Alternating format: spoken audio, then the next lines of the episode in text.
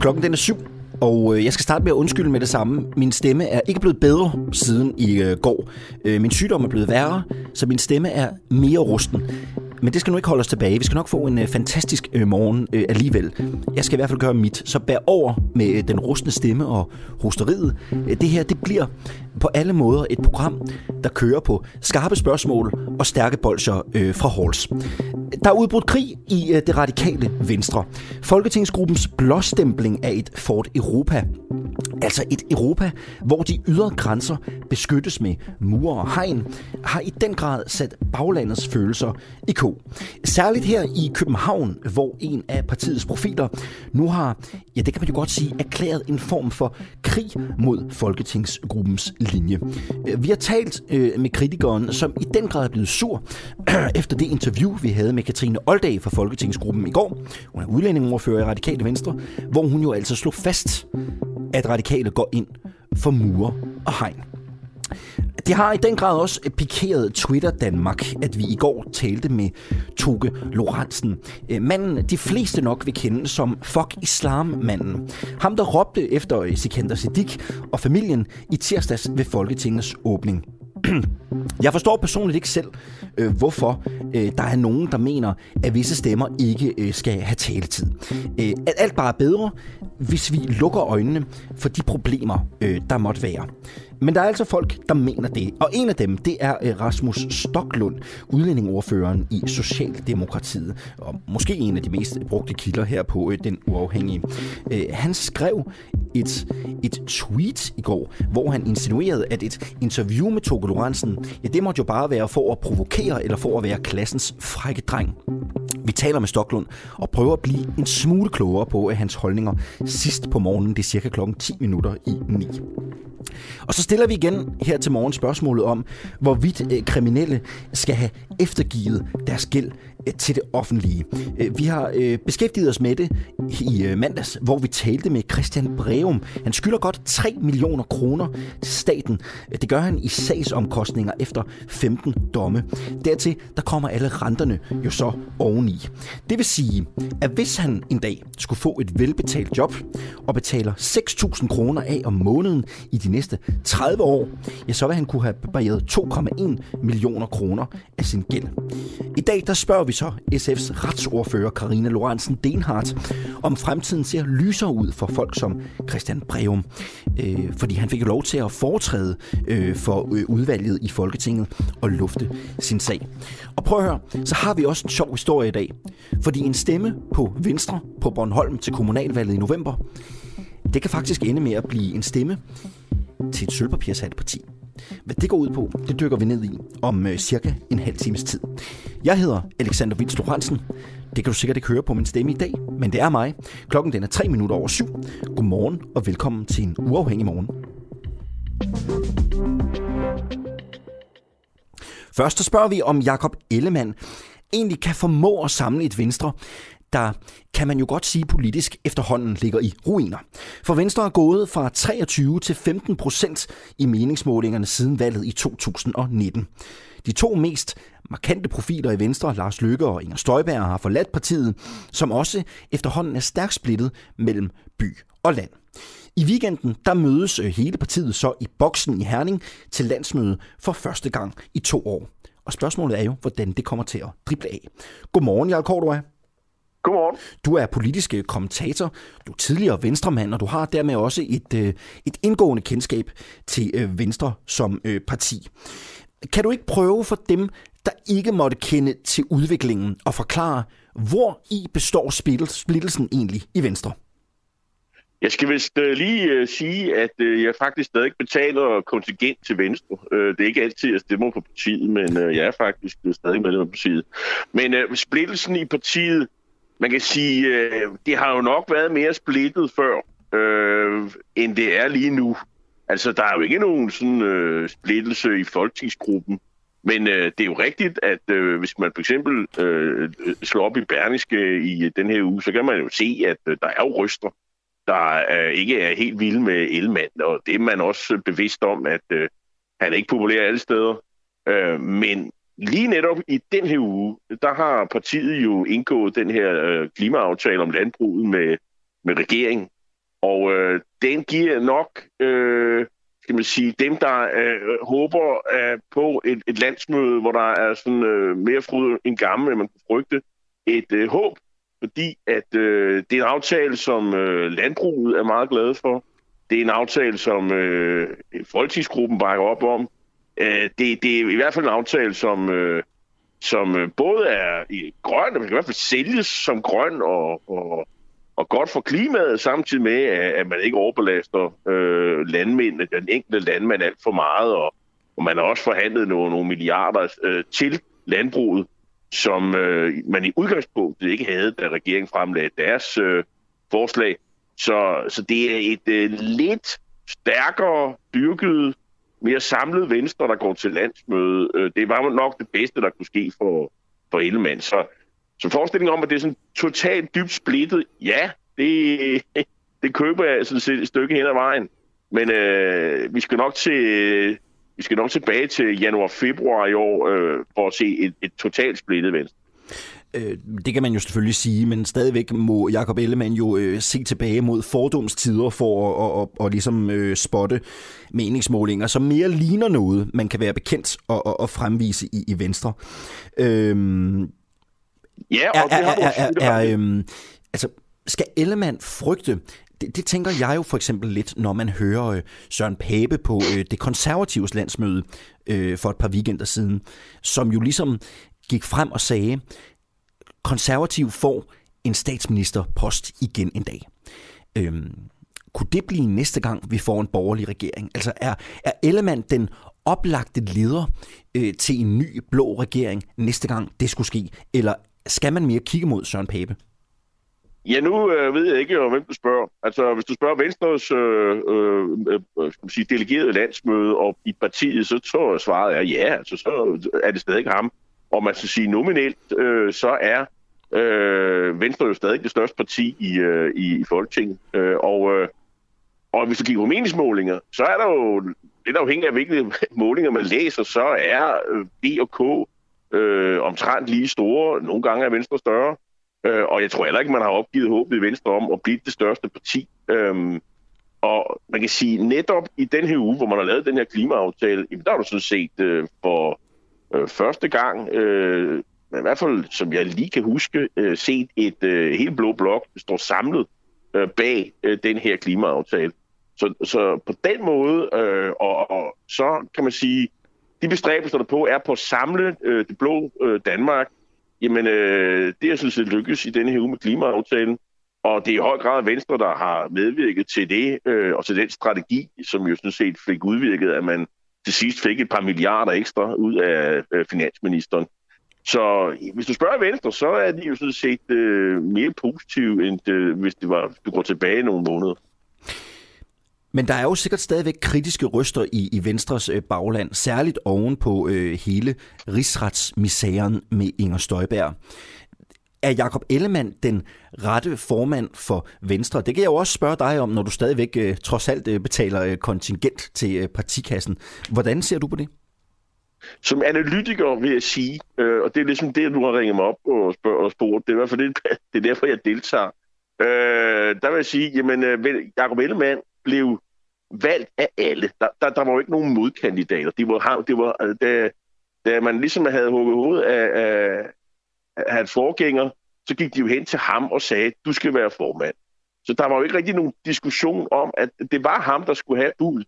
Og det gør jo selvfølgelig alle, øh, at bordet fanger.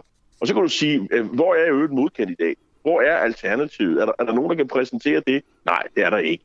Og selvfølgelig er der kritiske røst. Der er jo folk, der stadig ikke støtter Inger Støjberg. Men der er jo også, kan man sige, de, dem, der har støttet hende og støttet hende meget hårdt, de har også forladt partiet. Det synes jeg derfor, at øh, partiet gik fra omkring 19 procent i meningsmålingerne i øh, december øh, til øh, pludselig at ryge ned på, på en 11-12 procent. Og nu ligger man på ja, de gode dage 15 procent i meningsmålingerne. Det, det er jo nok det der 19 procent, man skal måle efter, øh, hvis du spørger mig. Øhm, og, og, og, og under omstændigheder, de kritiske røster er der, de savner Inger Støjberg, men øh, der er jo ikke nogen, der udfordrer Ellemann. Så hvis du spørger folk i øh, partiet ved ude indgangen til landsmødet, så er jeg forholdsvis sikker på, at de fleste vil svare, at Ellemann er den rigtige øh, formand. Susanne Kællerup skriver til os, at Jakob Ellemann slår med flere længder sin far i arrogance. Det, det, det ved jeg ikke, om jeg nødvendigvis øh, tænker om. Det er i hvert fald en, øh, et indspark for en af vores lyttere. Øhm, hvem er det i Venstre, der er utilfredse med Jakob Ellemann?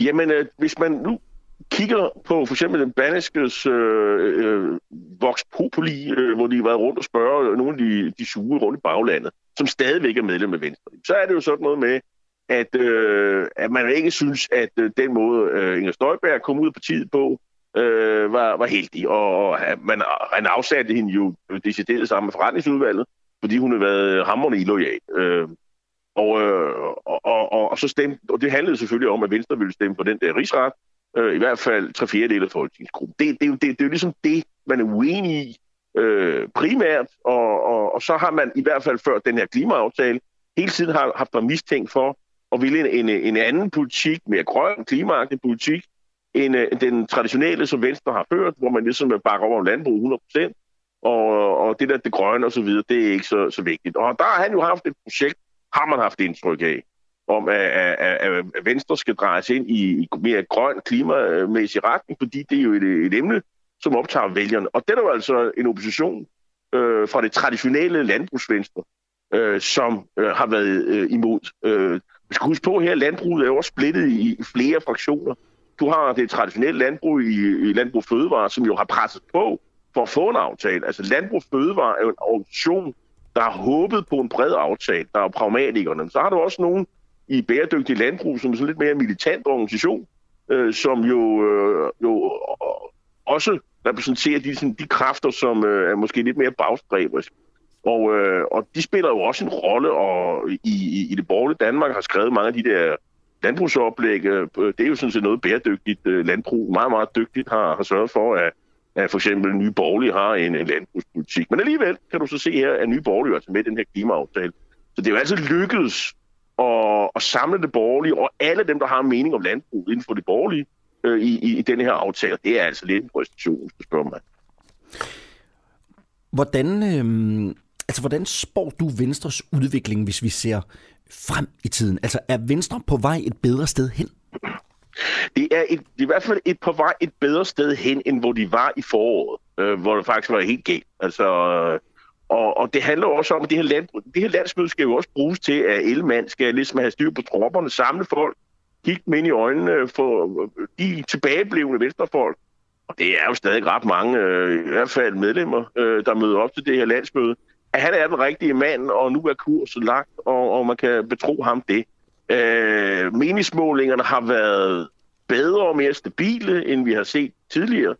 Så det er et bedre sted, men det kan jo ikke skjule, at øh, når man kigger på målingerne i forhold til sidste øh, øh folketingsvalg, jamen, så vil Venstre miste måske 8-9 procent, og det er altså en kæmpe øh, tilbagegang. Så øh, hvor er Venstre på vej hen? Et bedre sted hen, end da man var i total krise, øh, det vil jeg sige. Men, øh, men der er lang vej til fordomsstyrke. Det kan enhver jo se, der kigger i meningsmålingerne. Øh, jeg tror også, at man, mange vil sige, at, øh, at man kan give øh, Lykkes øh, afgang og, øh, og Støjbergs afgang en del af skylden. Øh, hvor meget der så kan hæftes op på Ellemann, ja, det, det afhænger nok øh, af, hvem du spørger. Øh, og så er der også det her by og land, tror jeg. Altså, Ellemann bliver set som sådan byernes venstre, øh, og og så er der andre, der mener, at der findes et, et, et øh, landvenstre, som han ikke repræsenterer i, øh, i samme omfang. Det er også noget den kritik, man kan høre.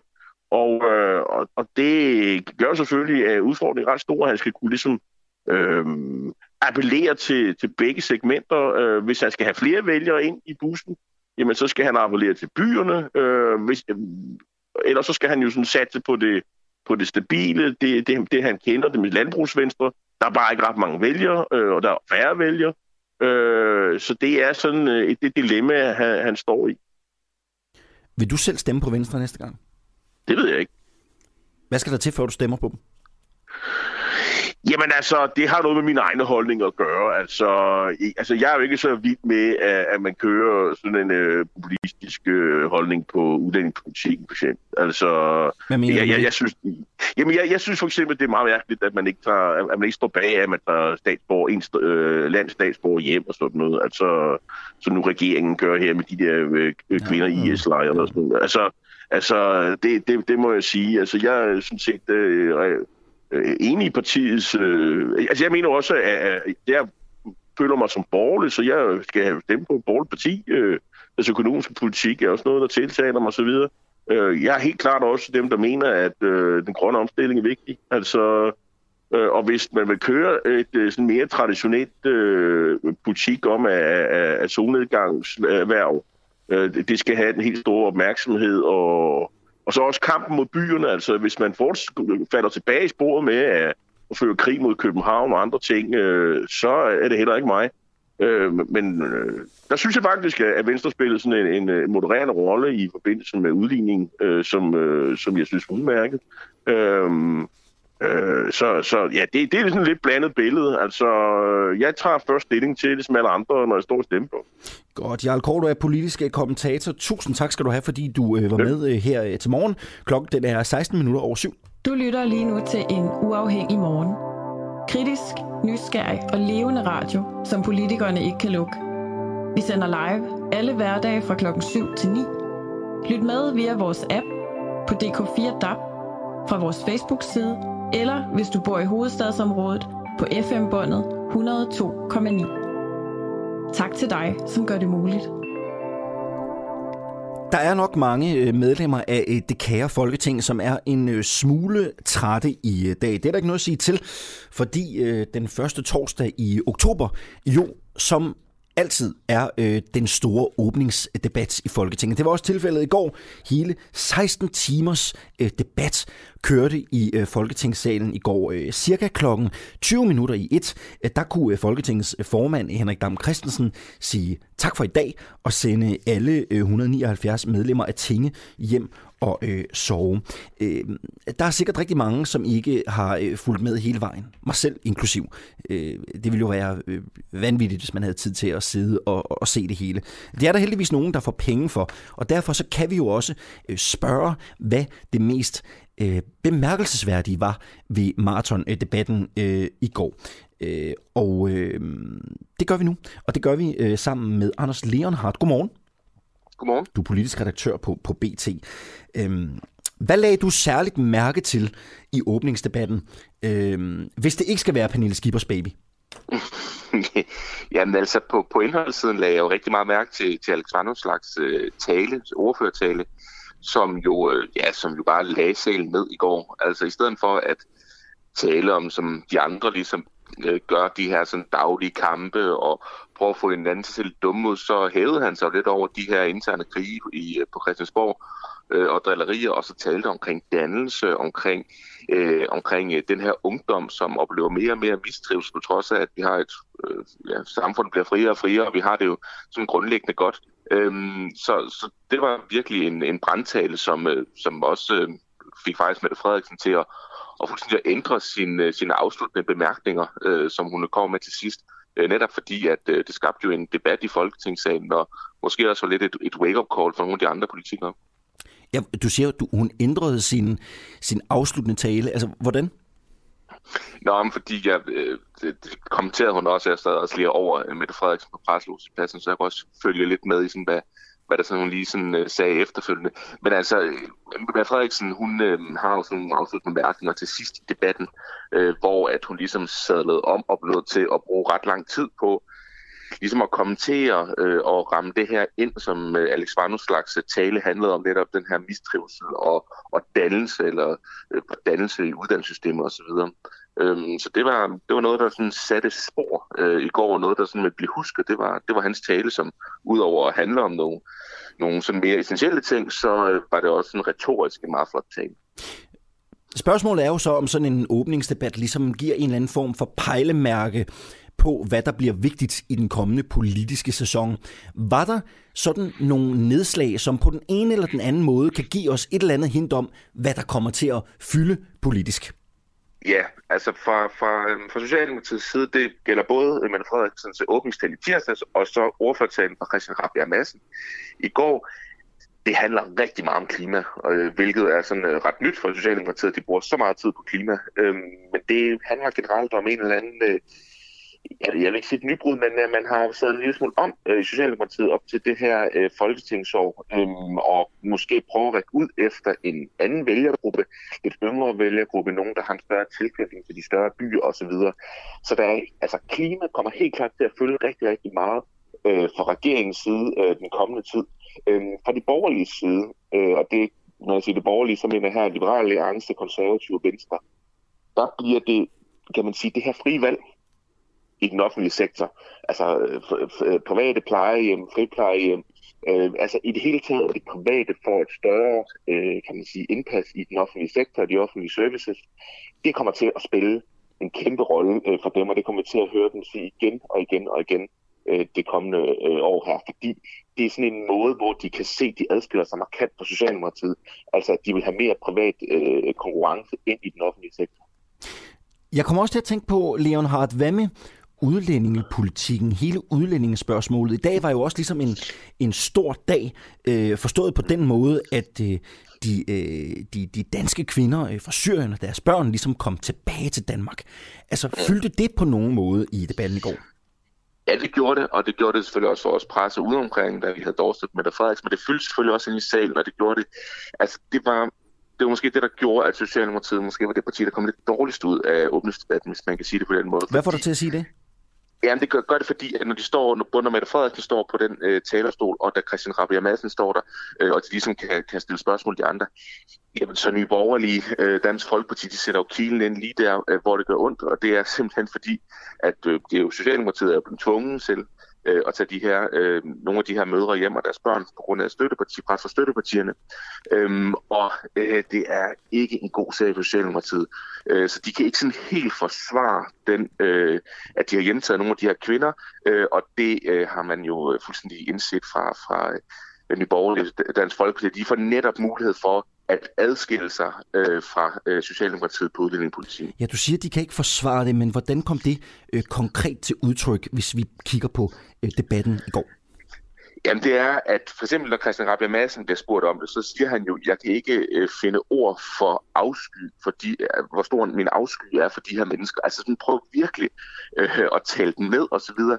Men, men den skal bare lige sandhed er jo bare, at de her kvinder, de står på dansk grund, fordi Socialdemokratiet øh, er gået med til, øh, sammen med nogle andre røde partier, øh, at hjemtage dem. Øhm, så, så der er sådan en, der er sådan en, der er jo selvfølgelig sådan en dobbeltmoral, og en, en, det, det, er en, det er virkelig en trælsag for Socialdemokratiet, som de helst kan gå, gå over. Prøv at, jeg skal også spørge dig ind til det her med Pernille Skibers baby, ikke? fordi det var ligesom, på en eller anden måde var det ligesom den historie, der nåede bredest ud af alle historier fra den øh, åbningsdebat i går. Øhm, altså, ved du, hvad der er op og ned i den historie? Altså, hvad, hvad øh, man, man skulle jo mene, at Pernille Skipper burde vide, at man ikke må tage et, et, et barn med i, øh, i Folketingssalen. Ikke? Det, det, Pia Kærsgaard har jo før været rimelig striks på det punkt. Hvad, øh, tror du, at det var et mediestunt?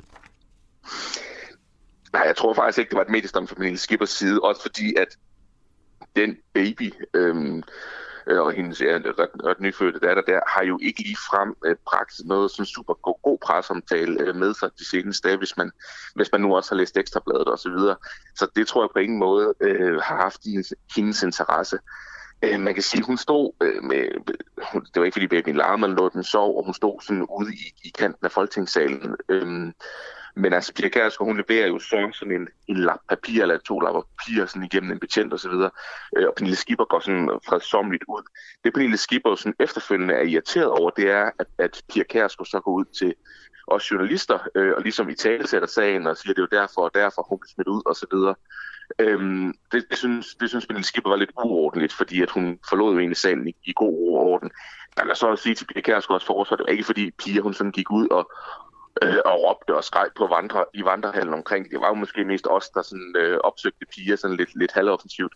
Øh, så, øh, så jeg vil sige, at jeg oplevede det egentlig sådan relativt fredsomligt, men det er klart, at i en åbningsdebat, som måske hvis værlig ikke er det mest spændende i hele verden, de der 15,5 timer, øh, så, så var det jo sådan det mest kuriøse, der skete. Hvad var den dårligste tale i går? Hmm, den dårligste tale. Det, det er måske sådan... Øh, det er måske sådan, altså jeg vil sige, at den, der måske sådan gjorde mindst indtryk på mig, det var, øh, altså, det var fra, fra hvad hedder hun, øh, det, det, var lidt, det var lidt fra øh, Sofie Carsten Nielsen. Øh, og det er simpelthen fordi, jamen, det er simpelthen fordi, at det er sådan meget øh, velkendte øh, pointer, Sofie Carsten Nielsen kom omkring klima, omkring arbejdsmiljø øh, og så videre.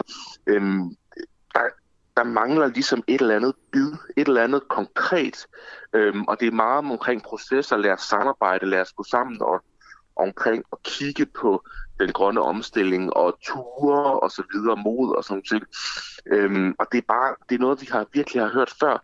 Øh, og det var ikke fordi sådan, man kan sige sådan objektivt set var, var dårlige budskaber, det var kerneradikale budskaber, men det er bare ikke noget, der rigtig sådan bider sig fast, fordi det er øh, fuldstændig velkendt, og det, det, kan man sige, det er uden overraskelse, så at sige. Sidste år, der holdt hun jo en glimrende tale, og det var til afslutning eller åbningsband, det kan jeg lige huske, men det handlede jo om det her, hendes egen oplevelse med at blive formand øh, under sådan ret tumultariske forhold, mm. om plads og så videre i Folketinget. Det var virkelig godt, det var virkelig overraskende.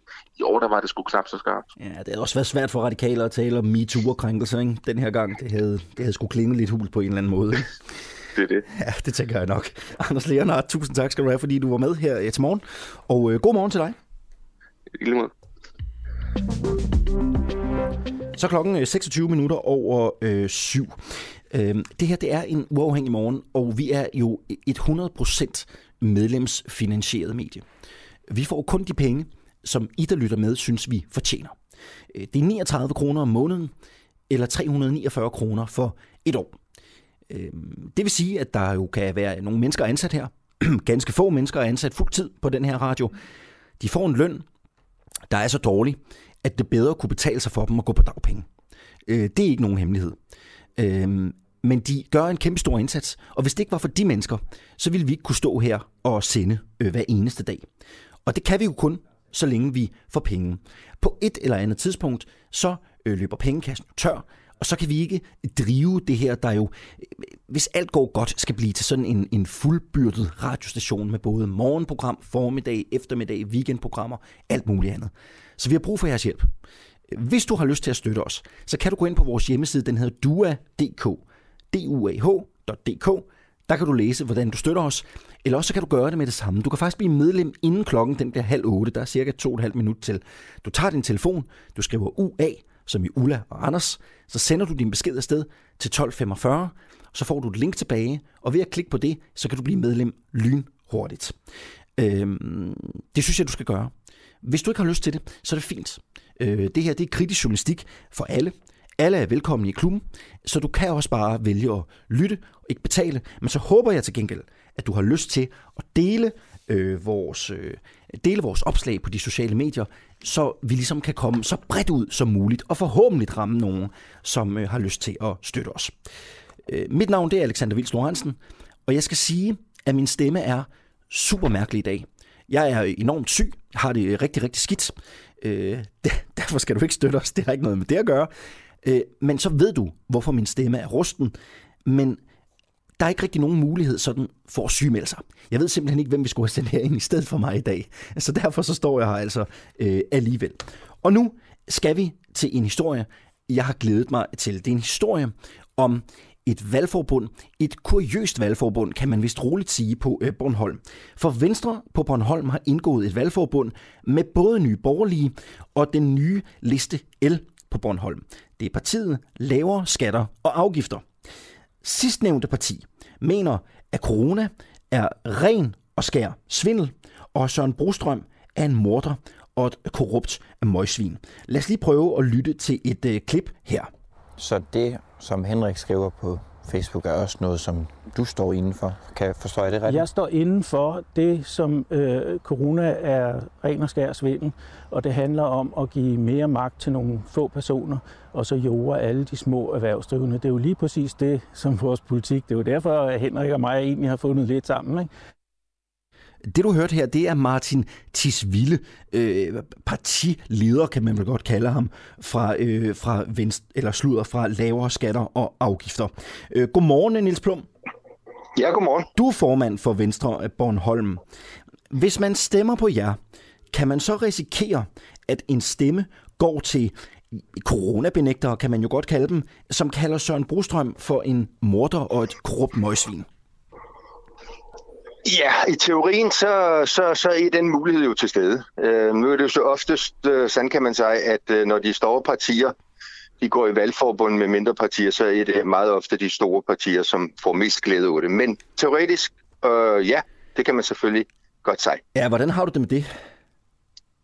Jamen, jeg har det sådan med det, at øh, vi har her at gøre med et parti, som egentlig ham, hamler jo meget godt med Venstre, som i hvert fald med, at det skal være afgifts... Øh, eller billige afgifter og, og skatter. Så, så, så, så idémæssigt så er det jo fint nok, men den øh, del af det, hvor de står for det her med corona, sådan, det tager vi sindssygt stærkt afstand fra hvad vi selvfølgelig også har fortalt den. Men vi går ikke ind, øh, fordi vi laver et valgforbund, og blander os i, hvad for en politik og hvad det er, de skriver, mm. altså, og, og hvilke kandidater de har opstillet. Det er jo sådan, at øh, vi bryder os jo heller ikke om, at andre partier blander sig i, hvem der skal være opstillet på Venstres liste. Det er jo Venstres øh, medlemmer, der bestemmer det, og i hvilken rækkefølge. Prøv, da I indgik, så... da I indgik det her valgforbund, vidste I så godt i Venstre Bornholm, at har var tale om coronafornægtere, som, hvad skal man sige, har en lidt alternativ opfattelse af Sundhedsstyrelsens direktør Søren Brostrøm. Vidste godt det? Nej, det vidste vi ikke. Det, vidste det er jo mig, der har indgået de her aftaler, og øh, det er jo det, der overhovedet ikke snakket om. Det er der er kommet frem efterfølgende. Og det, man kan sige, det er jo, at jeg har jo øh, sammen med vores spidskandidat Søren Skov, og, og jeg som formand, så har vi øh, bestyrelsens, øh, hvad kan vi kalde opbakning til at indgå valgforbund. Mm. Og øh, du, vi fik en henvendelse. Vi havde snakket med Nye Borgerlige om at indgå valgforbund, og det, det var vi sådan set enige om, at det var fint nok.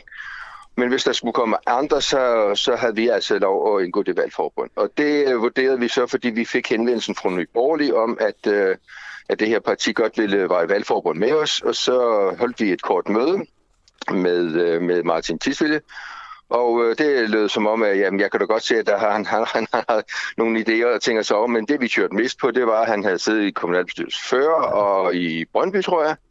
Og han øh, skrev nogle bøger omkring øh, grund, øh, grundloven og sådan noget. Det synes jeg, jamen, det er fint nok. Øh, og videre gik vi ikke ind i det og researchet på det. Prøv at prøv, øh, øh, I har jo indgået et valgforbund med nye borgerlige også, ikke? Der har Philip jo. Brandt jo været spidskandidat. Det var ja. ham, der oprindeligt sagde, at Søren Brostrøm er en morder, og et korrupt møgsvin. Ja. Jeg får jo lidt den tanke, at I i Venstre Bornholm er fuldstændig ligeglade med, om I er i valgforbund med coronafornægter eller ej. Fordi den holdning vidste I jo godt var repræsenteret i Nye Borgerlige Bornholm. Så I er vel i bund og grund ligeglade? Nej, altså jeg, jeg, jeg vil ikke sige, om vi er ligeglade. Det, det, det, altså det, jeg ville have gjort, kan man sige, i, øh, i, i dag, det var, at øh, hvis jeg havde vidst de her ting, så ville jeg jo nok have sørget for at øh, have haft det op på et bestyrelsesmøde, hvor at, fordi jeg synes, det er en alvorlig ting, og hvor jeg så hvad, hvad, hvad, ligesom sige, hvad, hvad, hvad, hvad siger bestyrelsen til det her? Nå, jo, og det men kan du, jeg jo så kendt, du, har jo, du har jo kendt til Philip Brandt eksempelvis, og det han jo, har sagt, jo, men altså, de holdninger er jo repræsenteret til synlædende i nye borgerlige på Bornholm. Jo, men altså, så, så hvad er forskellen på, øh, på at gå i valgforbund med dem, og så gå i valgforbund med øh, lavere skatter og afgifter? Ja, der er jo den store forskel, at Philip Brandt truk sig jo både som folketingskandidat og som spidskandidat for Nye Borgerlige. Og det gjorde han jo, fordi at han Men hans har skrevet det her. Jo, hans kone er jo spidskandidat nu, ikke? Eller hans kæreste? Jo, jo. Så, så jeg tænker, så længere væk er det jo heller ikke. Nej, men altså, hvad, altså ja, det, det må du spørge hende om, hvad hendes opfattelse det her er. Min opfattelse og, og Gitte, det er ikke, at hun deler den holdning med sin mand. Altså, fordi man er gift, så det? har man vel ikke sammen... Altså, ved Nej, du, jeg siger, den jeg, holdning? Nej, jeg siger, jeg ved ikke, om hun okay. deler den holdning med sin mand. Men det, det, hun giver ikke udtryk for, at hun deler den over for mig. Men det skal jeg ikke, det, det, det må du snakke med Gitte om. Det, man kan sige, det er jo, at, at øh, når, når Philip Brandt kommer ud med den melding, og at han så tager konsekvensen af det og, og melder fuldstændig, eller bliver bedt om måske at gå, det ved jeg ikke. Jeg har en fornemmelse, at han bliver bedt om at gå, og det gør han så, jamen så er det vel også et signal til mig om, at det er ikke den holdning, at de borgerlige står for. Fordi så havde han jo ikke bedt om at gå. Og derfor så tror jeg, at øh, det her, det var ligesom et overstået kapitel, at der så er en af kandidaterne i det her nye liste L-parti, som har den opfattelse, og som øh, kører det op på sin Facebook. Jeg må indrømme, jeg går jo ikke ind, fordi jeg går ind i et valgforbund og, og, og tjekker alle medlemmer og, og, og, og det parti, altså hvem stiller de op og begynder at lave en masse research på det, det gør jeg ikke. Nej, fordi det, Men jeg derfor synes, siger jeg også, at jeg vil have gjort det, at... Hvorfor? Jamen, jeg synes, det er interessant, fordi et af, jeg har faktisk glemt hans navn, men et af de sådan prominente øh, medlemmer, som også stiller op til det her parti, har et coverbillede på sin Facebook-side, hvor det her famøse Søren Brostrøm-citat øh, er afbildet. Nej, det er jo ikke et citat fra Søren Brostrøm. Nej, nej, undskyld, slutter. Citat om Søren Brostrøm, naturligvis. ja. Ret skal være ret. Ja, øhm, ja det synes jeg nok. Det, Nej, ja, det tænker men, jeg bare, ja, ja. det må du da have set på et eller andet tidspunkt. Nej, du må nej. da have været inde og kigge på hans Facebook-side, eller et eller andet. det, er jo, nej. det er sådan Bornholm, ikke? Det er sådan et småt samfund, alle kender alle. Ja, ja. Nej, det gør det altså ikke. Altså, der er også en masse, der tror, fordi man Bornholm, så tænker man, alle, der hedder Kofus, det gør jeg altså ikke. Nej, altså det, der ligger i det her, det er, at, som jeg lige sagde til dig før, jeg går ikke ind og og googler eller Facebook-tjekker alle de, øh, øh, jeg tror det er 96 kandidater, der er til øh, kommunvalget til Bornholm, for at finde ud af, om hvad de gør og hvad de ikke gør. Altså det er helt dårligt. Det vi gør med et teknisk valgforbund, det er, at vi sørger for, at der ikke er nogen stemmer, der går spildt, og det er det, vi har til hensigt. Og hvis de får nogle stemmer, så, øh, så, og ikke får stemmer nok til at komme ind, jamen så får vi glæde af de stemmer. Og hvis de kommer ind, så får vi glæde af dem på den måde, at vi jo så har en aftale om at, øh, at, øh, at snakke sammen. Altså, det, det er jo meget naturligt, man gør det, når man indgår et valgforbund. Vil du være ked af, hvis lavere skatter og afgifter fik en plads i den Bornholmske kommunalbestyrelse? Nej, det vil jeg sådan set ikke, altså, fordi den der med brostrøm og det der, det er dårs politik. Altså, det gør bare, det er dårs øh, politik, og, og, og det er jo ikke noget en politik, som vi overhovedet, og det er også derfor, jeg siger, at vi tager fuldstændig afstand fra den politik, men derfor kan de jo godt have en masse andre ting, som vi kan bruge. Altså, hvis de kan gå ind og påpege en masse ting på vores regnskab og billige afgifter og skatter, jamen så, så skal de da være komme til at komme med de forslag. Alright. Men den der med, med det her med Broster, det vil jeg bare sige, det er så, det er så langt væk øh, fra vores, så det tager vi selvfølgelig øh, fuldstændig afstand fra. Prøv, hvordan har reaktionerne været på det her valgforbund på øh, Bornholm? Hvad har du mødt? Jamen altså, nu har jeg jo snakket med pressen et par gange, øh, og det, altså, jamen, jeg har ikke mødt ingen, som folk siger, nå, jamen, øh, hvis det er det, I har gjort, så er det jo det, I har gjort. Altså, man kan jo sige, at vi, vi står jo også i en situation, hvor vi har skrevet under på de her afleveres listerne og, og valgforbund, så du kan ikke gøre hverken bu eller bag. Altså, det er jo ikke sådan, at du nu kan gå ud og sige, at det ønsker vi ikke alligevel, fordi nu har vi opdaget eller et eller andet. Altså, sådan hænger tingene ikke sammen. Der er indgået et valgforbund, og, øh, og det står vi selvfølgelig ved, at vi har gjort.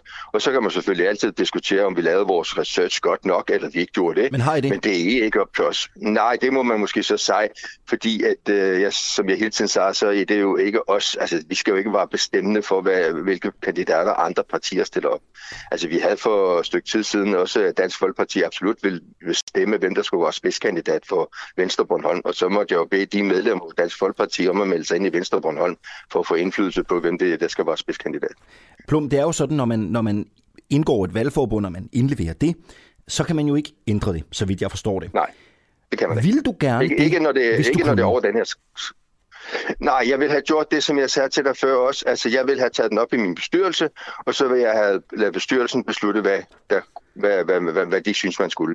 Det er jo klart, at jeg sidder nu her, og jeg har selvfølgelig dækning for, at jeg tager den beslutning sammen med vores bedstkandidat Søren Skov, men jeg, i sådan et tilfælde som det her, hvis jeg havde vidst det her, så ville jeg selvfølgelig have taget det op på et bestyrelsesmøde, så at det var en bestyrelsesbeslutning.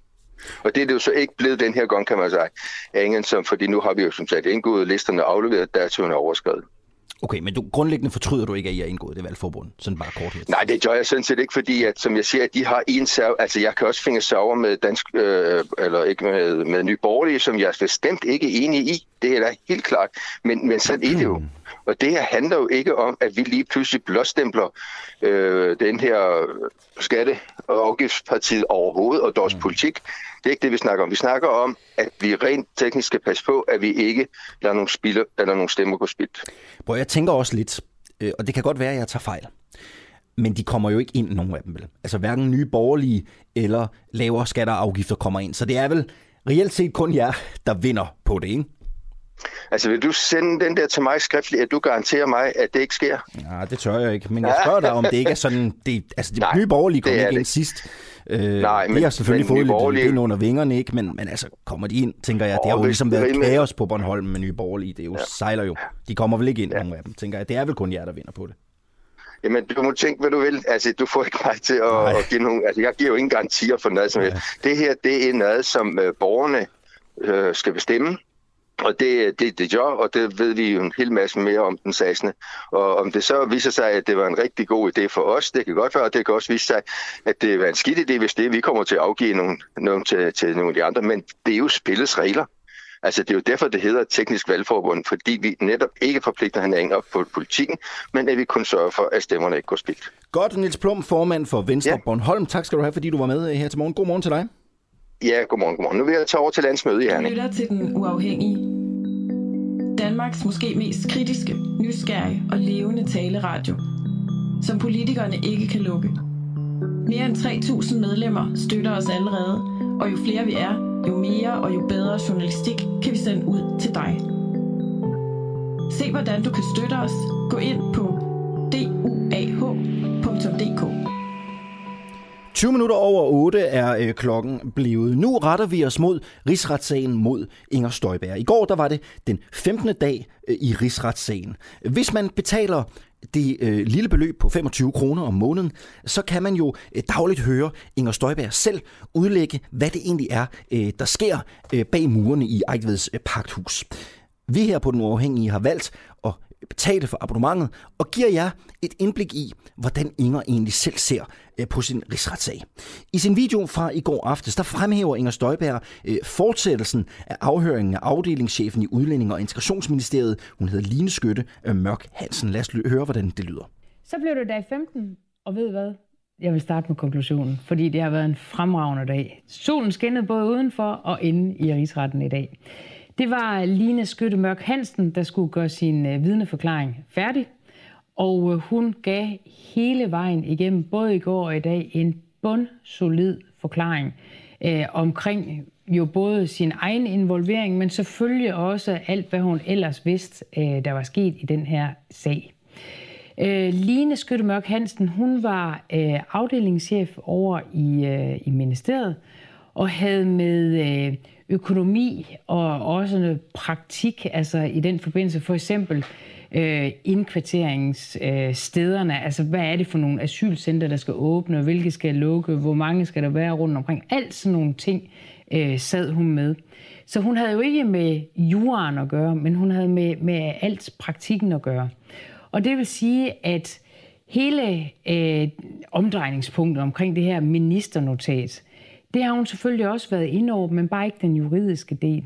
Og det synes jeg, hun forklarede bundsolidt, at det så var hende, der ved lidt en tilfældighed, tror jeg, at man kan sige, øh, bliver den, der skal overbringe øh, både meddelelsen om, at nu skal de sætte det hele i gang, men også meddelelsen om, at, at nu er der kommet en øh, pressemeddelelse, der bliver sendt ud lige om lidt, at det skulle hun overbringe til Udlændingestyrelsen. Det er altså lidt en tilfældighed. Men, øh, men det bliver hende, der, der kommer til det. Og, øh, og der er sådan set enormt stor strid, det tror jeg, I alle sammen ved, om hvad blev der sagt i den her telefonsamtale, og hvad blev der ikke sagt i den her telefonsamtale. Øh, og det synes jeg faktisk, at hun øh, gav en bundsolid øh, forklaring på. Noget af det, hun jo også sagde helt klart, øh, og altså tænderne klart, det var, at hun på intet tidspunkt havde fået øh, at vide, at hun skulle udføre noget ulovligt, og hun har heller aldrig nogensinde hørt mig sige, at andre skulle øh, øh, gøre noget øh, ulovligt, og hun har heller ikke hørt andre tale om, at øh, jeg havde på et tidspunkt skulle have sagt, at nogen skulle gøre noget ulovligt.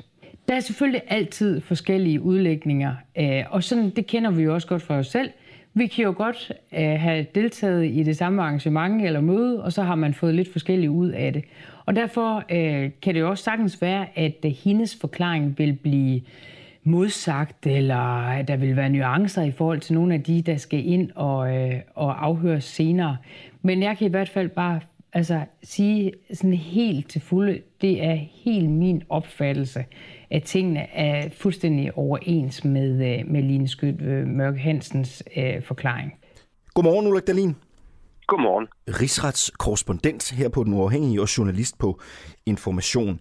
Vi blev lidt klogere på øh, Line Skytte Mørk Hansens forklaring i går. Fik du det samme med ud fra Ejkveds Pakhus, som Inger Støjberg gjorde? Nej, det må jeg være ærlig at tilstå. Nej, det gjorde jeg ikke. Når den fornværende minister taler om en bundsolid forklaring, så var det indtryk, der hæftede sig hos mig, og tror jeg også mange andre, det er, at der er nogle gevaldige huller i den forklaring, som Line Skytte Mørk Hansen, den tidligere afdelingschef, øh, øh, kom med.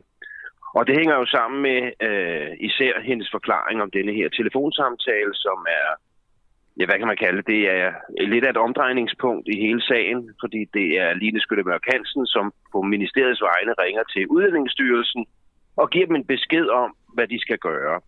Og som øh, Støjberg også rigtig sagde, så er der jo ret forskellige opfattelser af, hvad, hvad, hvad samtalen indeholdt.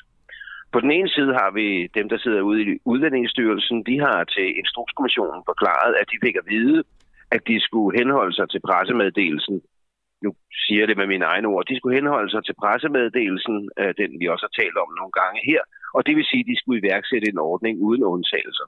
På den anden side har vi så Line Skytte Hansens forklaring, som går ud på, at hun ringede til dem i Udlændingsstyrelsen, men hun ringede for at sige, at de skulle ikke følge pressemeddelelsen. Altså selvom at de netop havde fået tilsendt pressemeddelelsen, hvor der jo ikke er lagt op til undtagelser, så var den besked, hun skulle give Udlændingestyrelsen, det var, at de skulle se bort fra pressemeddelelsen, og tværtimod, hvad hedder det, øh, øh, administrere med undtagelser. Og det er der en række huller i, og jeg kan, hvis du vil høre det, jeg kan lige hurtigt løbe dem igennem. Meget gerne. For det, for det første, så er det jo i sig selv besønderligt, at man sender en pressemeddelelse med en besked til en myndighed for kort efter at ringe op og sige, at den pressemeddelelse skal de altså se bort fra, og de skal gøre ikke bare som ministeren siger, lidt anderledes, Nej, de skal gøre det stik modsatte. Altså, de skal administrere med undtagelser. For det andet, så strider det jo, som jeg lige var inde på, det strider jo også mod, hvad øh, øh den øh, vicedirektør i Uddannelsesstyrelsen, som er i den anden ende af røret, hvad, hvad vedkommende har forklaret til Instrukskommissionen. Og så øh, er der en række mails, som øh, Line Skytte Mørk Hansen både sender og modtager lige samme eftermiddag, hvor i der på ingen måde nævnes, at, øh, at der skulle være øh, undtagelser. Tværtimod så indikerer de mails, som hun både sender og videresender, eller som hun både modtager og videresender fra øh, Udlændingsstyrelsen, de indikerer, at de er i gang med at, at etablere en ordning med adskillelse af alle par.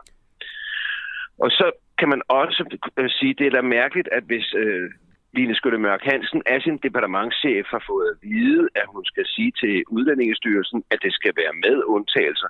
Så det er jo meget mærkeligt, at hverken Udlændingestyrelsen eller ministeriet i det redegørelse, som de giver til ombudsmanden i foråret 2000, foråret og sommeren 2016, at de overhovedet ikke nævner denne her øh, øh, telefonsamtale af et indhold, som øh, øh, Line Skytte Mørk Hansen forklarer. Tværtimod så øh, støtter de sig, eller baserer de sig på den forklaring, som øh, Udlændingestyrelsen er kommet med, altså at øh, de får at vide, at de skal administrere i henhold til pressemeddelelsen. Og endelig kan man så også se på, at nogle af de første spørgsmål i Folketinget, som rejses om denne her sag, og som også går forbi øh, Line Skytte Mørk Hansens øh, bord, at øh, der, tales, eller, der tales heller ikke om undtagelser. Tværtimod tales der om at adskille alle par. Og hvis hun nu sad med den øh, opfattelse, at øh, at øh, hun havde sådan set givet, givet, givet besked om undtagelser, så er det altså mærkeligt, som også Instrukskommissionen måtte konstatere, at hendes forklaring ikke understøttes af et eneste begivenhedsnært notat eller dokument. Tværtimod de begivenhedsnære dokumenter og notater, der er, og det er jo blandt andet øh, de her mails, jeg lige talte om, de peger den stik modsatte vej. Så jeg vil ikke sige, at øh, Line Skytte Mørk Hansen i går og øh, i tirsdags i rigsretten kom med en bundsolid forklaring. Hun kom med den samme forklaring, som hun mm. også gjorde i Instrukskommissionen, og Instrukskommissionen valgte jo fuldstændig at tilsidesætte hendes forklaring. Øh, prøv at jeg har øh, to opfølgende spørgsmål. Ikke? Øh, ja. Jeg bider mærke i den her famøse pressemeddelelse. Den har vi talt om tidligere. Ja. Du og jeg er begge journalister. Det vil sige, at vi lever jo til tider af at skære et stykke kommunikation relativt skarpt. Øh, du har dækket øh, dansk politik gennem mange år i dit virke på information. Det her med, at man skriver en pressemeddelelse, som man så ringer til en styrelse og siger, I skal nok ikke administrere helt som der står i den her pressemeddelelse. Hvor, hvor unormalt er det i det politiske system ifølge din næse? Virkelig, virkelig, virkelig, virkelig, virkelig unormalt. Altså, det er jo, det er jo en besønderlig ting, at uh, det eneste udlændingsstyrelsen får at rette sig efter, det er en pressemeddelelse. Og den pressemeddelelse, der har ministeren jo selv fjernet den kattelem, eller de muligheder for undtagelser, som øh, hendes embedsværk gang på gang forsøgte at proppe ind i pressemeddelelsen. Men den endte hun altså med at tage ud. Øh, når man så sender den til, til Udlændingestyrelsen, og når man så til overflod ringer og siger, hvad jo altså der er mest, der tyder på, at I skal rette jer efter den, ja, så må de jo have kløet sig i håret derude og tænke, nå, øh, hvis vi skal følge den her pressemeddelelse, så skal vi lægge op til, at alle skal adskilles. Øh, så det tror jeg er virkelig unormalt. Ja, det var og så, det første. Og så her til sidst, Line Skytte Mørk Hansen. Hvad er der på spil for hende? Er hun stadig i Udlænding- og Integrationsministeriet? Ja, øh, så, så, så vidt jeg ved, så... Øh, nej, jeg ved, at øh, da, da, da Instrukskommissionen udsendte den første del af deres beretning, der blev hun fritaget for tjeneste. Jeg ved også, at hun sidenhen er kommet tilbage med titel som afdelingschef, men uden funktion som afdelingschef. Hvad betyder Hun det? er, ja, det betyder vel, hvis man skal sådan skære det ind til benet, at hun får sin løn og sin pension, men uden at have alle de mange opgaver, som en afdelingschef øh, øh, har. Hun skulle være chef for koncern-IT, altså en meget mindre del øh, at det praktiske eller koncernøkonomi, som hendes afdeling hed, end hun havde tidligere. Men det er rigtigt, at øh, hun risikerer en disciplinærsag, øh, når øh, rigsretten har tykket sig gennem materialet og er kommet med en afgørelse. Men det er hun så ikke alene om. Det er der også andre tjeneste, eller embedsmænd og kvinder, som, som, som kan se møde. Prøv at Dalin, hvad er vildest egentlig? Er det min kommissionen eller rigsretssagen? De kører jo begge to lige nu. Hvad, hvad, Ja, ja, hvad er det ja, vildeste? Ja, ja jeg, jeg ved ikke meget om mink, øh, det må jeg sige. Øh, så det, den, den sammenligning tror jeg, jeg vil afstå fra. Men man kan da godt sige, at for... Altså, det kan da være et problem for medierne, at der kører to kommissioner samtidig. I hvert fald for en mindre avis som Dagbladet Information. Ikke? Altså, fordi hvis vi skal bruge en side hver gang, der er rigsretsmøde, og en side hver gang, der er mink, så kan der jo ikke være mange andre nyheder i verden. Men Ja, jeg, jeg ved ikke, hvad for noget, der er vildest. Jeg synes for så vidt, at den kommission, eller den, øh, hvad hedder det, øh, rigsret, jeg dækker, den er vild nok. Øh, som andre vurderer mink. Under alle omstændigheder siger det jo i hvert fald noget om strømningerne i dansk politik. Dalin, tusind tak skal du have, fordi du var med her til morgen. God morgen til dig. Ja, og god weekend. Hej hej. Prøv, vi prøver noget nyt i dag på Den Uafhængige.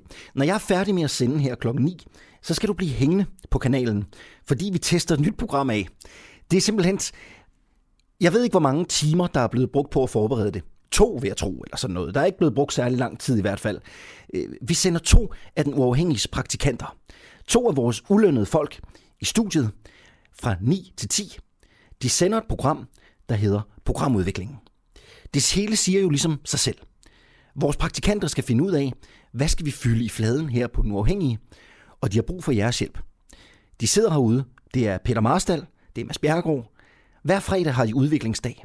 Når jeg går ud af studiet, så sidder de med hver sin computer og taster idéer ned og sniksnakker frem og tilbage. Men de har brug for jeres hjælp til at finde ud af, hvad det er, vi skal sende her på kanalen. Så når klokken bliver 9 i dag, så går jeg ud i studiet. Mads og Peter kommer ind. Så programudvikler de simpelthen for åben mikrofon. Og du kan ringe ind til dem med idéer, med indspark. Hvis I synes noget er noget lort af det, vi laver, så må I også godt ringe og sige det. Telefonerne er simpelthen åbne. Hvordan det praktisk fungerer, og hvilke nummer man ringer på, det aner jeg ikke. Men jeg tror, jeg hiver en af praktikanterne ind, når vi nærmer os klokken 9, til en lille snak om, øh, hvad det egentlig er, øh, der øh, skal ske. Jeg glæder mig meget. Måske i særdeleshed, fordi det er min egen idé. Sådan er det jo. Man kan jo godt ende med at elske øh, sine egne babyer højst. Klokken den er øh, 7 minutter i 8. Uenighederne de vokser i radikale venstre, hvor et medlem af baglandet nu melder sig klar til kamp mod Folketingsgruppen. Københavner-profilen Gino Victoria Duarte siger, at hun vil kæmpe imod, at radikale venstre officielt skal støtte en lukning af EU's ydre grænser med mure og hegn. Et projekt, der jo bliver kaldt Fort Europa af mange, og som lige nu er højaktuelt på grund af et øget pres på de europæiske grænser. Hun er en af flere i det radikale bagland, som er imod Fort Europa-tankegangen. Partiets udlændingeordfører Katrine Oldag, som jeg talte med i går, slog jo fast en gang for alle, at radikale venstre officielt støtter den europæiske grænsefæstring. Den melding den kommer efter flere ugers væven og uklarhed om, hvad det indvandringspositive parti egentlig mener om Fort Europa. Min kollega Oliver Fruergaard har ringet til Gino Victoria Duabi, øh, og hun tegner et billede af et splittet øh, radikale.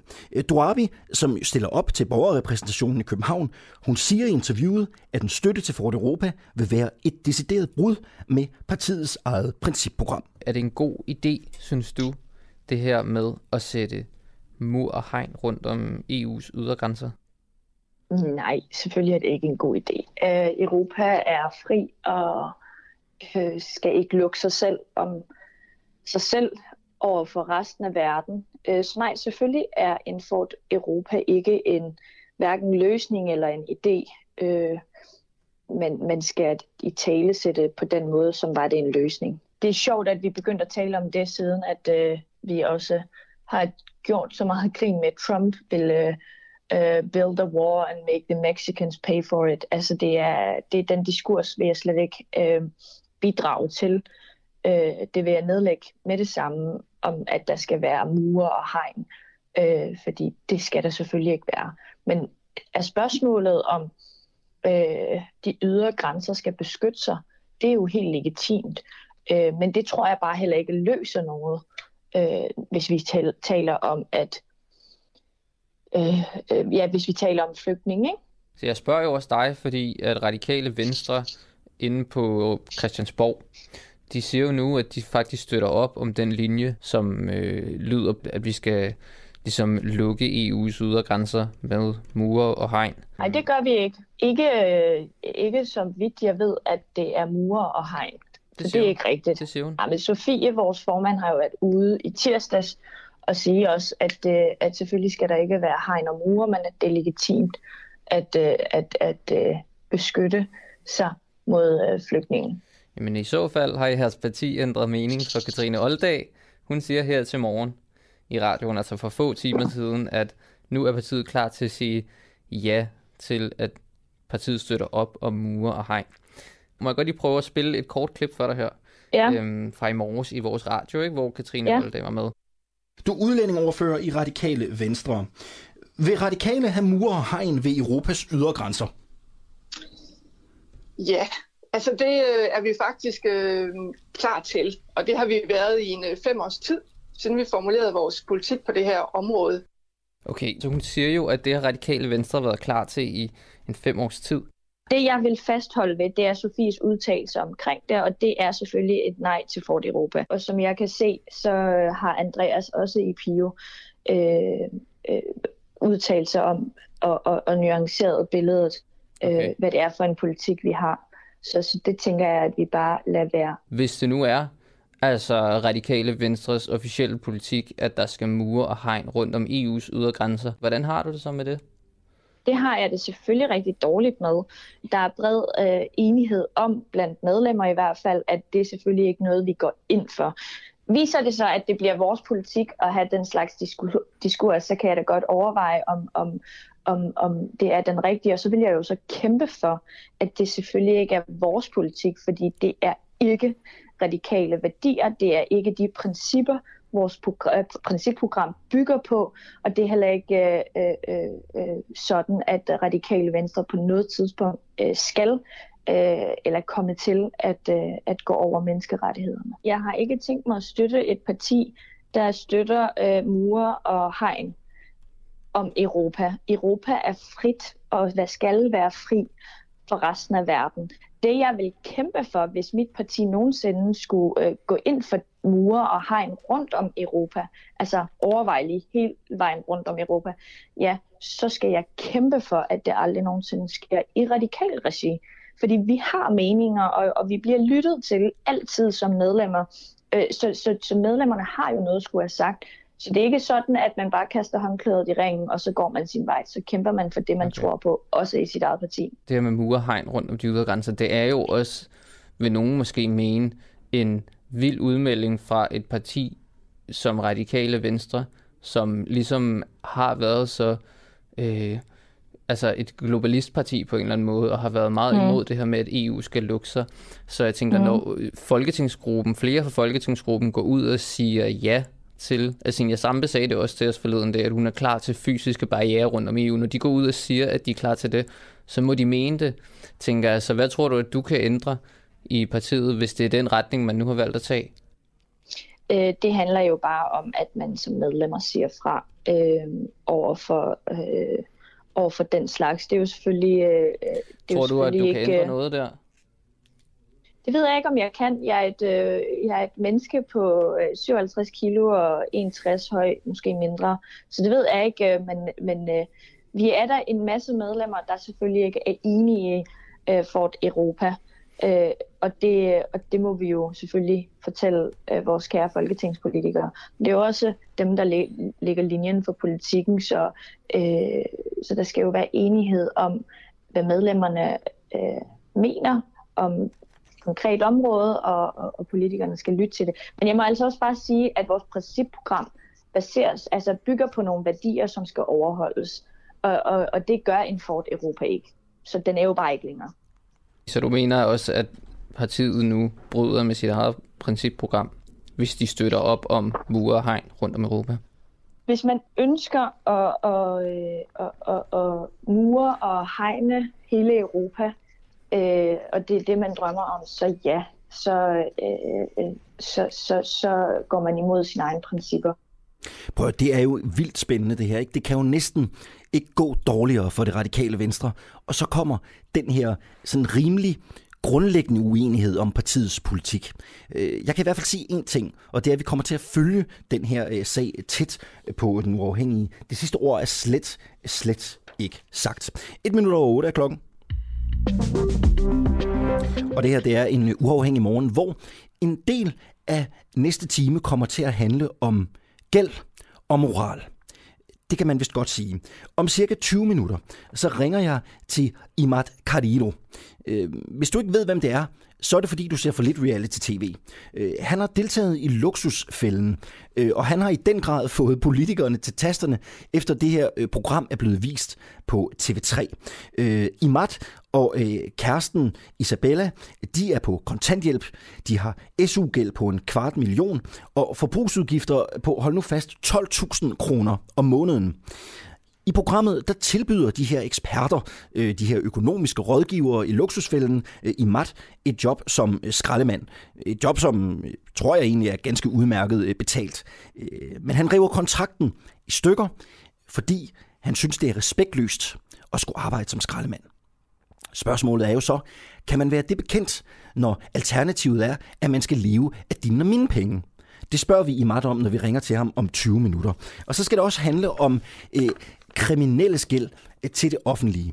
Øh, fordi vi kommer til at spørge, hvorvidt man skal sløjfe øh, store gældsposter hos kriminelle, når de bliver løsladt øh, fra fængslet.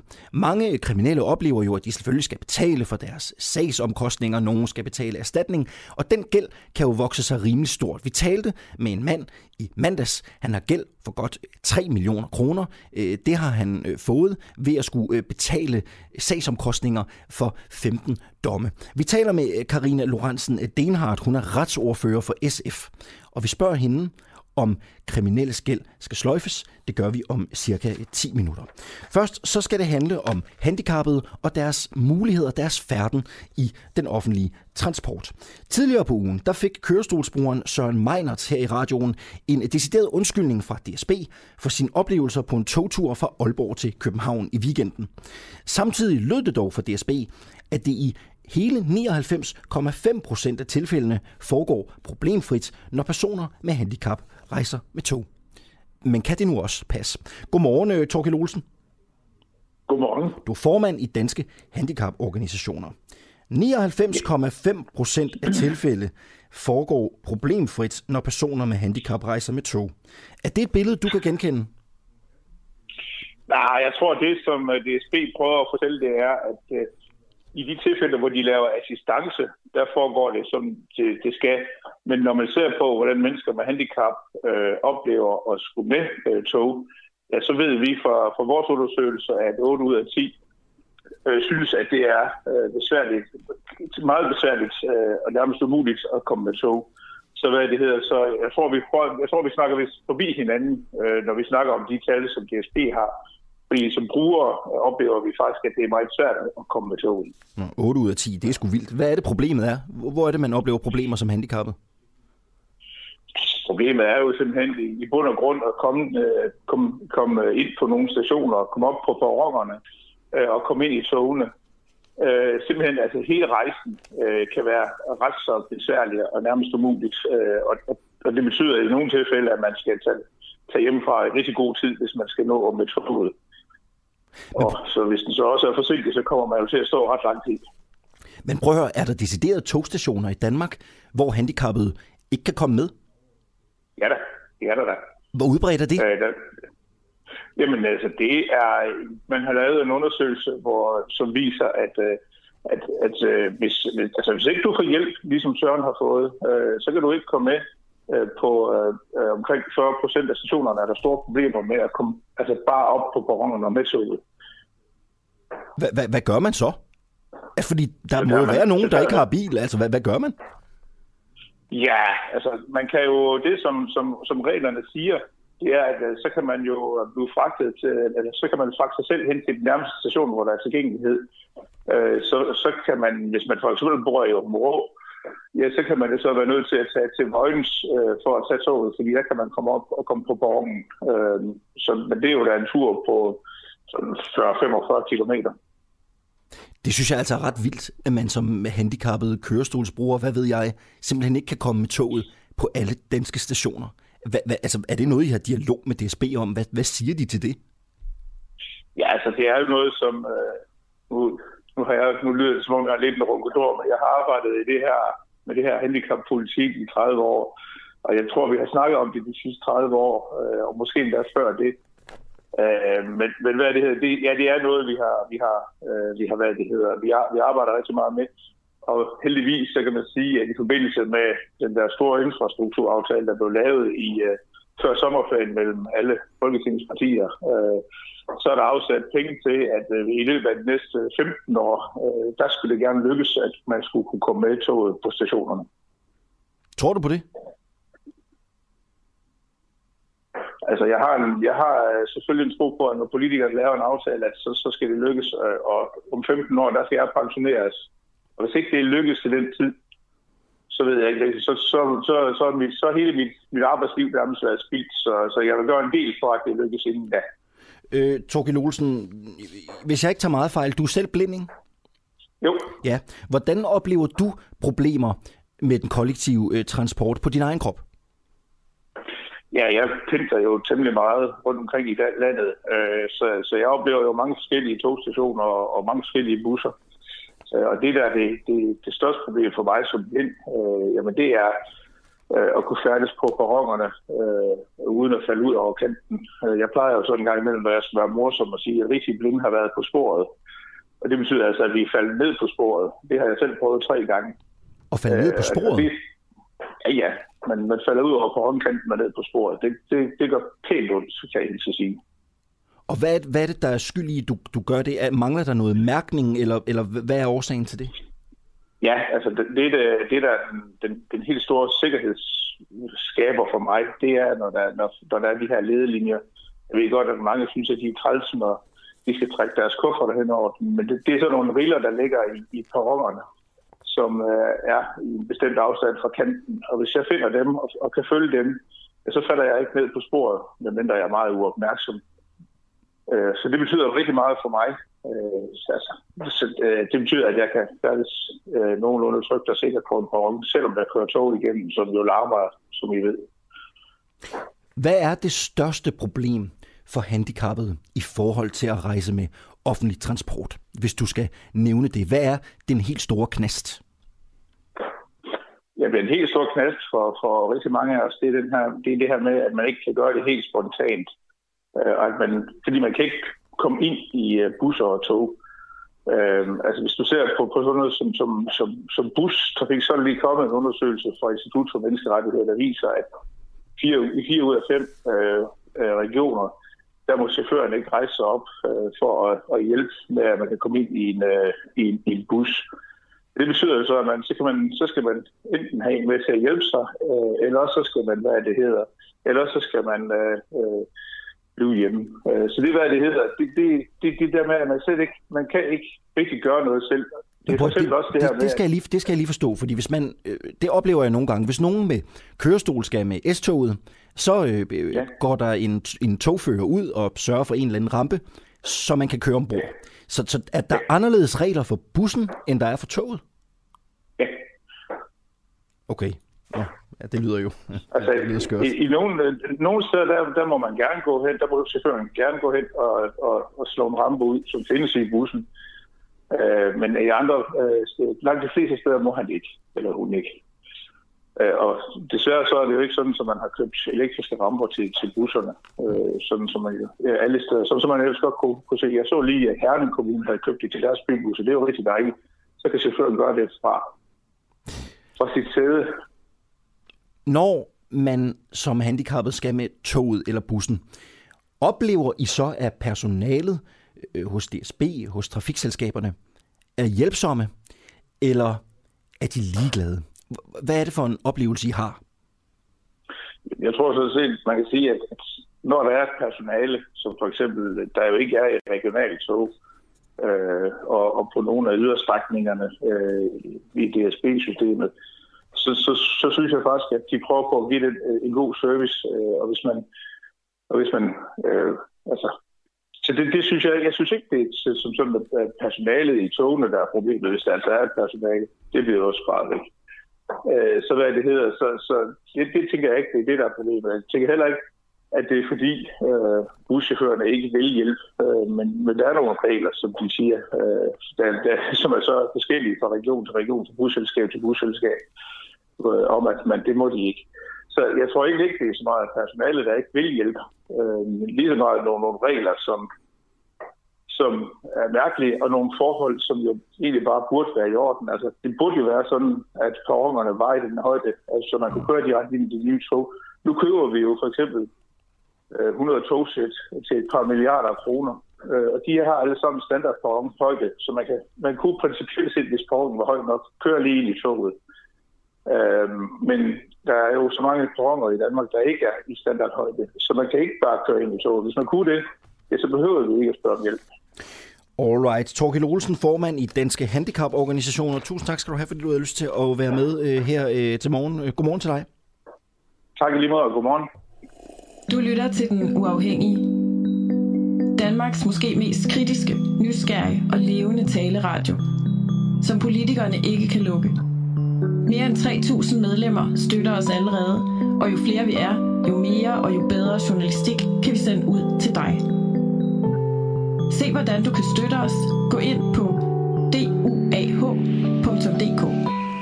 Klokken den er 12 minutter over øh, 8. Et forholdsvis kraftigt jordskælv ramte øh, i øh, går aftes lokaltid Tokyo-området i Japan, hvor der meldes om mindst 30 øh, til skadekommende heraf tre alvorligt.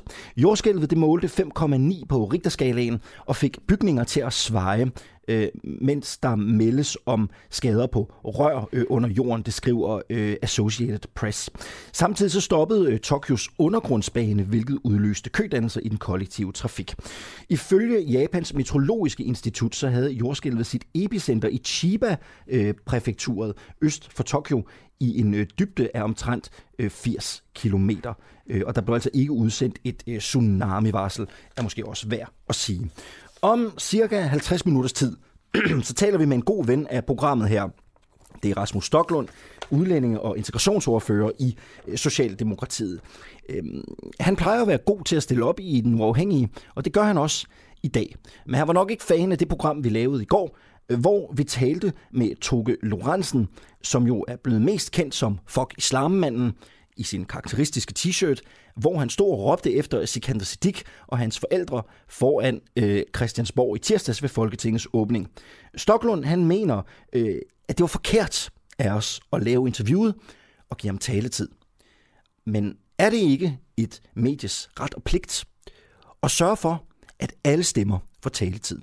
At de problemer, der end måtte være i vores samfund, på en eller anden måde bliver luftet. Øh, jeg spørger Stoklund om øh, cirka 50 minutter. Øh, Godmorgen, øh, Karina Lorentzen Denhardt. Godmorgen. Du er retsordfører i SF. Synes du, det var forkert, vi interviewede Toge Lorentzen egentlig? Det tror jeg ikke, jeg har nogen øh, holdning til lige nu. Jeg tænkte, vi skulle tale om straffesagsomkostninger. Ved du det er hvad? i hvert fald det, jeg har fået Ved du hvad, det skal, vi besked også. på. det skal vi også. Jeg vil simpelthen bare spørge, om du havde en holdning til det, fordi det er der jo mange, der har haft. Ved du hvad, vi springer øh, straks videre. Jeg vender tilbage til dig efter det her oplæg. Ikke? I mandags der talte vi med tidligere bandemedlem Christian Breum, som har afsonet sin straf, men stadigvæk skylder 3 millioner kroner. Øh, Derfor så håber han at få sløjfet sin gæld. I onsdags, der var det netop eftergivelse af kriminelle gæld på dagsordenen i Folketingets retsudvalg, hvor Breum også fik mulighed for at lufte øh, sin sag. Og jeg skal selvfølgelig sige, at hvis Breum her fik et velbetalt job, så lad os sige, at han afdrager 6.000 kroner af sin gæld om måneden, så vil han efter 30 års arbejde have barberet 2,1 millioner kroner af sin gæld, så kommer renterne jo oveni.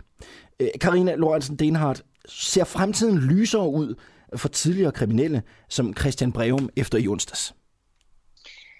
Altså, det vil øh, forhandlingerne om Kriminalforsorgen jo øh, vise, øh, fordi det er der, hvor vi har taget det her spørgsmål med. Og jeg startede i virkeligheden med i 2008 at gøre opmærksom på det her øh, omkring straffesagsomkostninger. Fordi at det i hvert fald for nogen øh, bliver meget, meget svært at rejse sig efter at have begået kriminalitet. Selvom man har et ønske om at leve et kriminalitetsfrit liv, så kommer der bare øh, rigtig mange barriere øh, inden for sidelinjen. En gæld, som man aldrig slipper ud af, øh, eller, og hvor man risikerer at blive lønindholdt resten af livet, så man i virkeligheden er, er nede omkring en overførselsindkomst. Øh, det, øh, det gør desværre, at der i hvert fald er nogen, der tænker, om så kan det også øh, være lige meget, så kan jeg lige så godt fortsætte med kriminalitet. Og det er jo her, jeg tænker, at det kan give mening at motivere dem, øh, som øh, gerne vil skabe sig et kriminalitetsfrit liv, og som gør en indsats, øh, og så bliver gode skatteborgere i stedet for. Øh, Så SF man mener, at vi skal sløjfe de kriminelle gæld. Jeg mener i hvert fald, at vi skal kigge på øh, enten en model, øh, der fokuserer på, øh, hvad hedder det, de løslattes betalingsevne, eller også så skal vi finde en måde at, at, at sikre, at der kan ske eftergivelse på. Det er jo i princippet den eneste type gæld i Danmark, øh, som du ikke kan få en gældssanering for. Men øh, prøv at høre, hvis man ikke betaler sin, sin SU-gæld, øh, eller anden gæld til det offentlige, så ryger det jo i gældsstyrelsen, og så trækker de jo, øh, hvis du ikke betaler af og laver en afbetalingsaftale, så trækker de jo selv bare af din løn, eller hvad du nu ellers måtte få ind.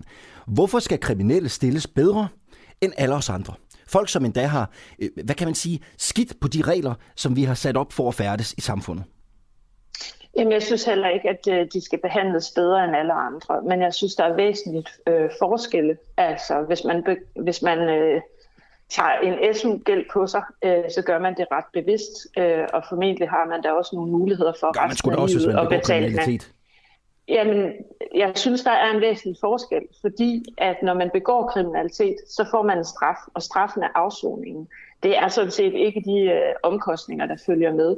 For det første, så øh, er der slet ingen sammenhæng mellem den kriminalitet, man begår. Man kan begå noget, som i virkeligheden ikke er særlig, øh, øh, eller som giver en særlig høj straf, øh, men som øh, vokser meget øh, i straffesagsomkostninger. Man kan begå noget meget alvorligt, øh, hvor man får en, øh, en lille andel af straffesagsomkostninger. Øh, og jeg synes jo bare, at når, øh, når der slet ingen udsigt er til at kunne forbedre sin situation, så risikerer vi, at nogle af de her mennesker falder tilbage i kriminalitet. Og vi er faktisk øh, det eneste land i Europa, som enten ikke tager højde for øh, betalingsevnen i forhold til straffesagsomkostningerne, eller har øh, nogle muligheder for at eftergive.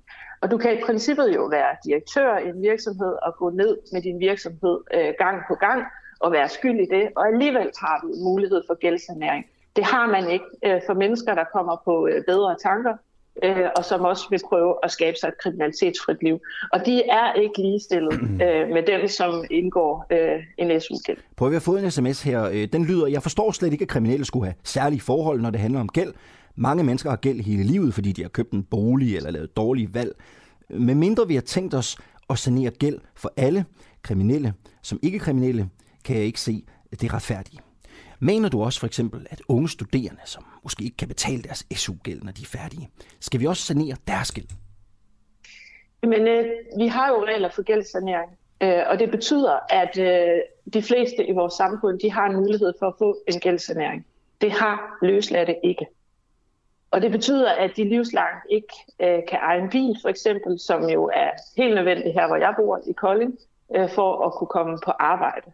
Og vi vil rigtig gerne have, at de vil øh, øh, arbejde og komme i gang med at skabe sig et liv, hvor de bliver gode skatteborgere i stedet for. Øh, det har nogle kæmpe konsekvenser. Det betyder også, at man kan ikke få en øh, betalingsservice øh, i banken. Øh, og det har mange af dem rigtig meget øh, brug for, for at kunne styre øh, deres, øh, hvad kan man sige, indtægter og udgifter efter måske et, et forløb, hvor man har haft mange illegale øh, indtægter. Øh, så det har bare nogle kæmpe store konsekvenser, og jeg siger bare, kunne vi motivere øh, en gruppe til at holde sig ude af kriminalitet? Vi har jo desværre et meget højt tilbagefald. Øh, så synes jeg, det er rigtig klogt. Og i, som minimum bør vi ligestille øh, de her mennesker skæld med, med gæld i øvrigt i samfundet. Og sådan er det ikke på nuværende tidspunkt. Der er ikke eftergivelsesmuligheder. Et af argumenterne for, at man skal gøre det, man skal afskrive deres gæld, det er jo, så de ikke ryger ud i kriminalitet. Hvor stort et problem er det, at øh, kriminelle, som ikke kan betale deres gæld, fortsætter i en kriminel løbebane? Ved du det? Altså, jeg har ikke nogen præcise tal på det, men vi har jo en forsker, som hedder Annette Olesen, som rent, rent faktisk har undersøgt øh, det her. Og øh, det hun siger er, at der er en lille gruppe, øh, som siger, øh, at på trods, hvor svært det nu end er med en flettet strafattest og en stor gæld, at de vil ikke lave noget øh, resten af livet. Så de klarer sig, de hudler sig igennem øh, med de konsekvenser, det nu har. Men der er også en stor mellemgruppe, som står og vakler lidt. De vil egentlig gerne øh, leve et liv uden kriminalitet, men når de så render ind i for mange barriere, en stor gæld, øh, som de ikke kan komme ud af, en lønindholdelse, der bringer dem ned på øh, kontanthjælpsniveau, en strafattest, som øh, måske gør, at det bliver ekstra besværligt at komme i arbejde så er der en meget, meget stor risiko for, at de falder tilbage. Og så er der en lille gruppe, som ved, at de altid skal lave øh, kriminalitet, fordi det er det, de kan. Og det er ikke den gruppe, jeg snakker om. Jeg snakker om, kunne vi ikke gøre noget for at motivere den store mellemgruppe, som så øh, ja, har den her risiko for at, at, at falde tilbage. Kunne vi lave et system, øh, der virker mere i retning af, at vi får et tryggere samfund? Og det tror jeg, vi gør, hvis vi kigger på de her straffesagsomkostninger. Og så bare baseret på mine egne erfaringer, hver gang jeg øh, besøger fængsler og snakker øh, med ansatte og indsatte i øvrigt, så er der to ting, som indsatte altid nævner for mig, som, øh, som de ikke kan se sig ud af. Og det er straffeattesten, som forhindrer dem i at komme i arbejde, og det er straffesagsomkostninger. Prøv, Kåre Hansen skriver til os, øh, lad de kriminelle betale i en overrække efter evne, og så kan man afskrive øh, resten. Prøv, kunne det ikke være en model? Fordi jeg tænker, så er der en form for retfærdighed for alle. Man betaler øh, et, et beløb, øh, man afdrager på sin gæld. Man bliver måske selv på en eller anden måde herre over, hvad det er, man betaler. Og det er ikke staten, der skal bestemme det. Kunne det ikke være en løsning? Jamen, øh, det kunne simpelthen være en fin løsning, og der ligger jo faktisk allerede en betænkning, som har kigget på præcis det her omkring straffesagsomkostninger. Og, øh, og den foreslår netop, at man laver en, øh, en model, øh, som er baseret på betalingsevne, hvor man betaler i et par år, øh, alt efter hvad man nu kan, kan bidrage med. Og så er der nogle eftergivelsesmuligheder, hvis det er, at man øh, så holder sig ude af kriminalitet. Og der er også nogle forslag om, at, at så kan man aktivere gælden igen, hvis man skulle falde tilbage. Og det synes jeg egentlig lyder som en færre ordning. Så man kan sige, at der ligger et løsningsforslag, som øh, politikerne kan tage øh, at bruge, mm. øh, hvis vi vil. Øh, og jeg har i hvert fald gjort det til et spørgsmål i øh, kriminalforsorgsforhandlingerne, så må vi jo se, om det er noget, vi kan nå sammen om. Godt. Karina Lorentzen Denhardt, retsordfører for SF. Tak skal du have, fordi du øh, var med. Øh, godmorgen. Godmorgen. Du lytter lige nu til Den Uafhængige. Danmarks måske mest kritiske, nysgerrige og levende radio. Hvis du har en god idé til en historie, så skriv til os på Facebook eller send os en mail Adressen finder du på hjemmesiden. 23 minutter over 8 er klokken blevet. Lige om lidt, så taler jeg med Imad Carriro fra Luksusfælden. Imad Carriro, øh, som sammen med sin partner har øh, gæld for en kvart øh, million og forbrugsudgifter på 12.000 kroner om måneden. Han vil ikke være skraldemand, men kan man tillade sig at sige nej til sådan et job? Det spørger vi om lige om lidt. Øh, det kan være, at du allerede kender til den her sag. Det gjorde du i hvert fald, hvis du så fjernsyn i tirsdags på TV3, eller hvis du har streamet det. Det er jo så populært i disse tider. Øh, I tirsdags der deltog parret i Matt og Isabella i luksusfælden, hvor eksperter jo forsøger at hjælpe folk øh, med stor gæld til at komme tilbage på sporet. Parret her er på kontanthjælp, de har SU-gæld på en kvart million og forbrugsudgifter på 12.000 kroner om måneden. Men da eksperterne i programmet tilbød i Matt et job som skraldemand, så rev han kontrakten i stykker, for han mente, det var respektløst at tilbyde sådan et job. Godmorgen, Imad Carillo. Ja, godmorgen. Øh, du er kendt for luksusfælden, og jeg skal selvfølgelig også sige, at du i dag har et job. Du arbejder i et dansk retursystem. Øh, hvad er problemet med et job som skraldemand? Øh, det er en misforståelse. Det er ikke et problem. Jeg har aldrig sagt, det er et problem. Jamen, du Så... sagde, det var respektløst at blive tilbudt sådan et job. Er det forkert? Nej, det jeg, har, det jeg mente med det, det var, at det var respektløst af, af hvad hedder nu, eksperten at give mig den kontrakt, da hun, vidst, da hun ved, at jeg skal til en jobsamtale næste dag. Nå, men, altså, det er jo ikke... Det var overhovedet ikke, det var overhovedet ikke om uh, jobbet. Nej, men du havde jo ikke et job på daværende tidspunkt. Du får tilbudt en kontrakt, ikke? Altså, du får ja. tilbudt et job. Du havde ikke et job på daværende tidspunkt. Det siger du nej til. Hvorfor det? Ja. Du havde mulighed for at få et job med det samme, der kunne hjælpe dig med at komme ud af din gæld, så vi andre ikke skal betale for dig og din partners øh, livsstil. Hvorfor sagde du nej til det? For det første, det var ikke en, en, en, en, en øh, hvad hedder det, en sikker job. Det var bare en jobsamtale. Mm-hmm. Og jeg tog det over efterfølgende. Du tog det over? Jeg, ja, jeg kunne ikke, jeg kunne ikke hvad hedder nu, få jobbet, fordi jeg havde ikke den store kørekort. Prøv at høre, det er jo interessant, det du siger her, ikke? Fordi nu er historien jo lidt en anden. Øh, at tv-programmet blevet klippet på en måde, som skal fremstille dig som et menneske, der ikke gider at arbejde. Altså har de, ja. har, de, har, de, har de klippet programmet på en måde, der skal sætte dig i et dårligt lys? Ja, det mener jeg. Okay. Det synes jeg. Okay, det er sgu da vildt nok. Prøv at lade os da snakke om det i stedet for. Prøv at høre, har du snakket med dem om det? Nej. Prøv hvad tænkte du så? Du ser øh, det her øh, program i fjernsynet øh, på en eller anden måde, vel? Så kører øh, artiklerne jo i pressen. Øh, der er sindssygt mange, der bliver forarvet. Søren Pape øh, kalder dig jo nærmest en snylter. Prøv at høre, hvordan oplevede du det? Hvordan synes du, det var? Jeg grinte af det. Du grinte af det? Hvorfor? Ja. Jeg synes, det er meget øh, umodent af ham at kommentere en øh, reality, øh, hvad hedder nu, program lige pludselig. Mm. Siden hvornår har han set luksusfilm? det er jo et godt spørgsmål. Han har nok læ- jeg tænker, han har læst en artikel på Ekstrabladet, og så har han sikkert kommenteret ud fra den, ikke? Ja, men øh. der er også der er andre end mig, der har været på Ekstrabladet og BT. Ah. Men det er fordi, det er en muslimsk mand med en... Øh, Tror du det? Øh, fremmedlignende ja, navn og en kone med tørklæde. Det er kun derfor, han har kommenteret den oh. øh, ja, episode. Prøv at høre, jeg synes, det er vildt nok. Det fremgår jo ikke i det der program, vel, at du har en jobsamtale dagen efter, og at du ikke har stort kørekort. Vidste de der eksperter i luksusfælden godt, at du ikke kunne køre lastbil? Ja, de vidste det godt. De vidste Seriøst? Det godt. Ja, de gjorde det kun for at få en, en, en, folk ophidset, og ja, det det. Det gjorde det kun derfor. Prøv helt seriøst, ude i regien, nu kigger jeg lige ud på holdet. Kan vi ikke prøve at ringe og spørge produktionsselskabet? Det er jo benegalt. Så de vidste godt, du ikke kunne køre lastbil. Alligevel så tilbyder de, de dig et job, som, eller en jobsamtale som skraldemand. Ja. Okay. Prøv at, har du, har du tænkt dig at... Altså, nu har hele Danmark jo ligesom på en eller anden måde fået et billede af dig, ikke? Der er mange, der har set sig sure på dig, fordi de tænker, at du ikke gider arbejde, og at du synes, at jobbet som skraldemand er uværdigt. Prøv at høre. Har, har, nej, nej, nej, nej, det er der jo mange, der tænker.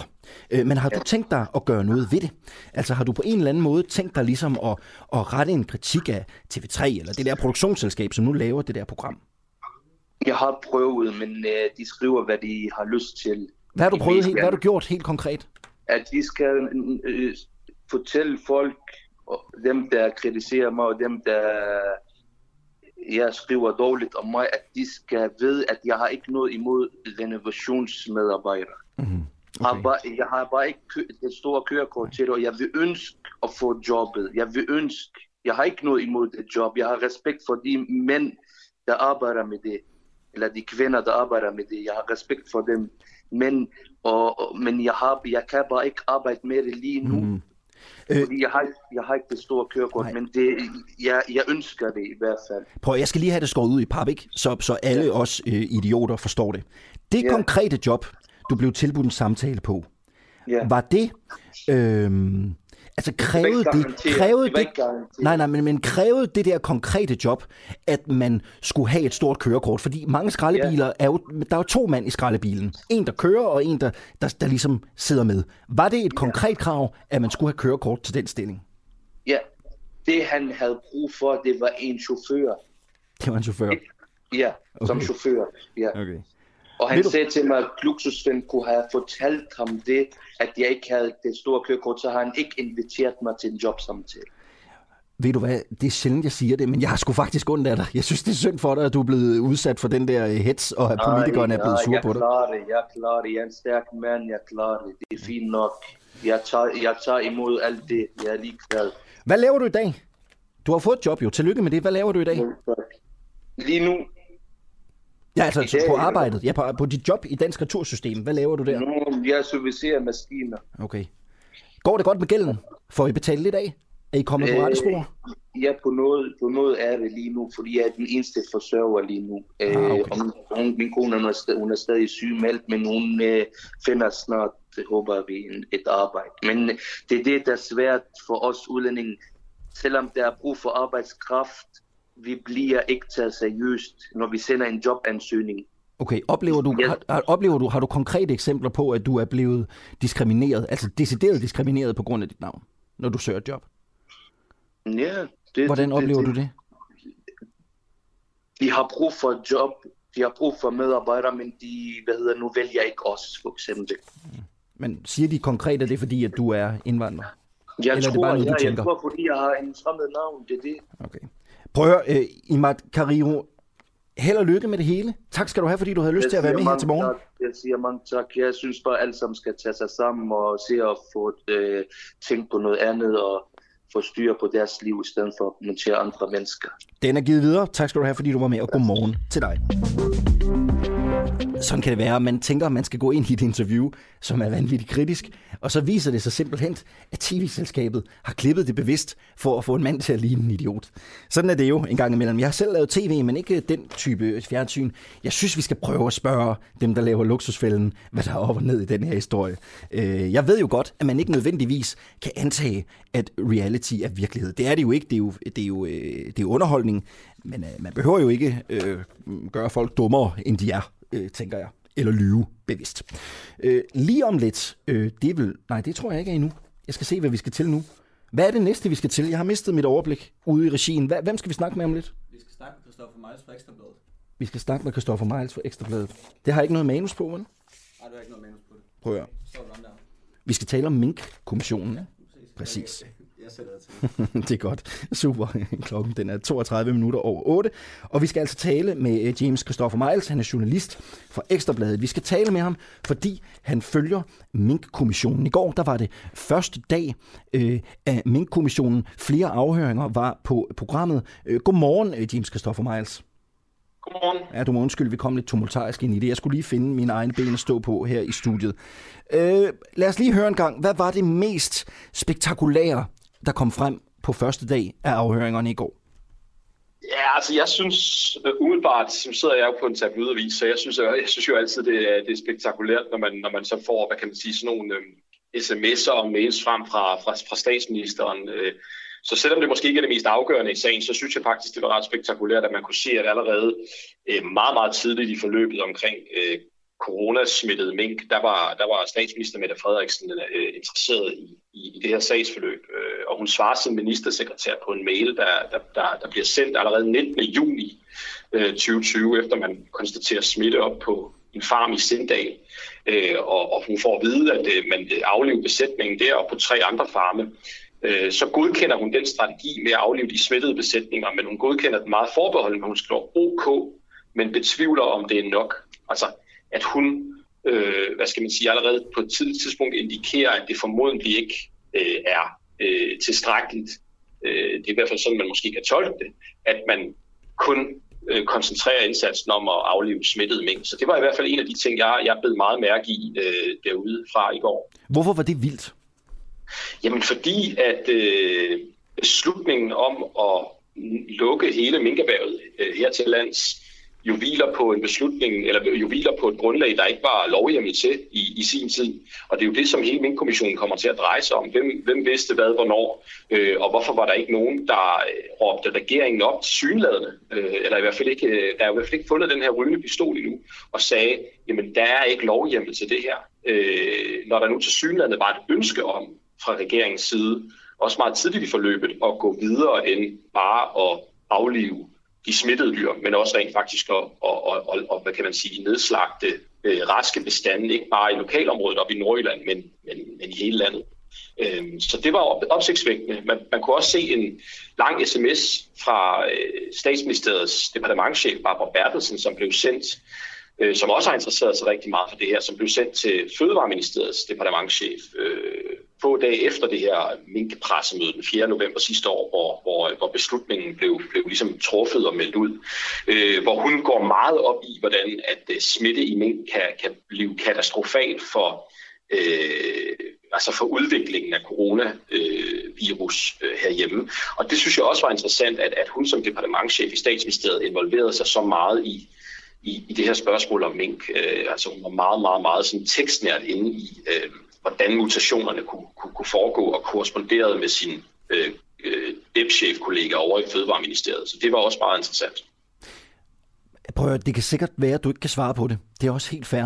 Men ud fra første dag, kan man sige noget om, hvorvidt der har været urent trav her?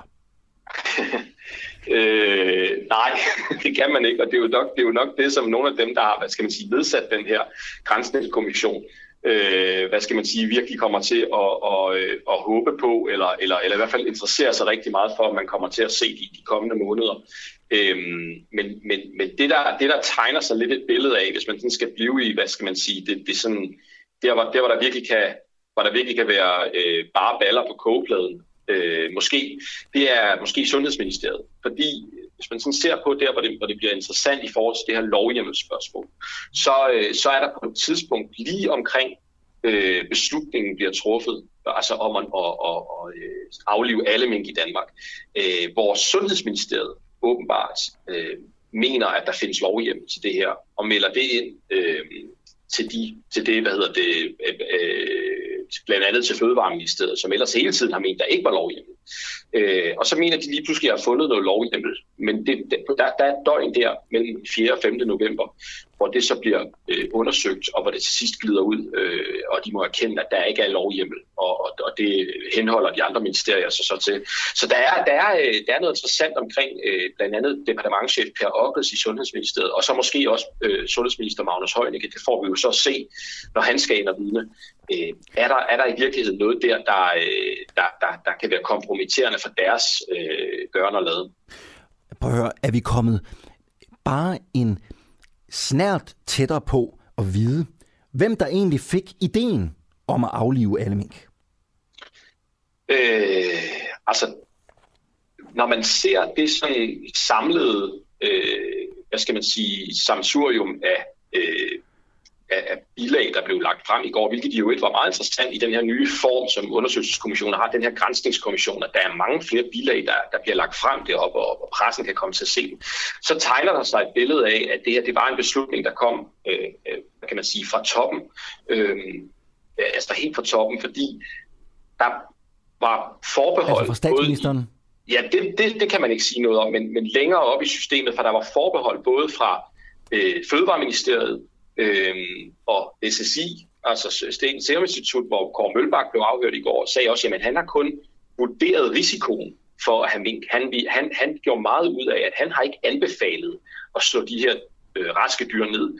Øhm, og det blev han faktisk øh, presset lidt på under det der pressemøde den 4. november, hvor igen Per Ockels, departementchef i Sundhedsministeriet, siger, øh, du, husk, du står faktisk i en sms, du parafraserer jeg, men husk, du står faktisk bag beslutningen om at aflive. Og det var noget, som Kåre Mølbak ud i kommissionens vidneskranke i går sagde, at det fandt han faktisk bekymrende, at Per Ockels, departementchef i Sundhedsministeriet, prøvede at tillægge ham øh, en opbakning til beslutningen om at nedslagte mink. Han mener kun, at han ligesom har vurderet risikoen ved det.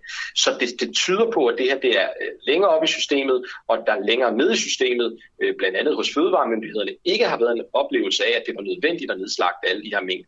Og igen, at der er nogle tunge profiler herunder statsminister Mette Frederiksen, der meget tidligt i forløbet mente, det ikke var nok øh, kun at aflive de smittede dyr. Men hvor præcis den rygende pistol ligger henne, hvis den er der, det er, det er endnu uvist. Kommer det her til at koste nogle ministerposter? Tror du? Det er, det, det er sgu for tidligt at sige, men altså, det har jo kostet Mogens Jensens ministerpost. Ja, og igen, hvis, hvis, hvis, hvis der skal, hvis der skal øh, ryge nogle flere på det her, øhm, så, så kræver det, at der er nogen, der skal have, hvad kan man sige, sidde noget, noget, noget afgørende viden overhørig, og det er der ikke nogen beviser på, at, øh, at der er øh, endnu. Men, men derfor kan det jo godt på et tidspunkt, der kan jo godt tegne sig et billede, der er så inkriminerende, at, at, at, øh, at, det, at det kan blive for eksempel interessant øh, at se, hvad der er foregået i Sundhedsministeriet. Jeg tror ikke, at det er fordi, Mette, Mette Frederiksen sidder usikkert i stolen på nogen måde, men jeg tror, det bliver interessant at se. Der var sådan igen i forhold til, hvad Kåre Mølbak fik sagt, øh, i forhold til, hvordan øh, Sundhedsministeriet har ageret, så er der nogle ting, som, som nogle, nogle, nogle lamper, der begynder at blinke lidt i forhold til Sundhedsministeriet. Og der bliver det interessant at se, øh, hvordan Magnus Heunicks rolle mere detaljeret har været. Prøv, i dag der skal Søren Brostrøm jo øh, øh, afhøres. Det skal han klokken 13 eller noget i den stil. Ja. Hvad skal vi være ops på i dag? Hvad skal vi særligt lytte efter? Jamen altså, vi skal, synes jeg, være opmærksomme på øhm, øh, også den her uenighed, der har været i myndighederne.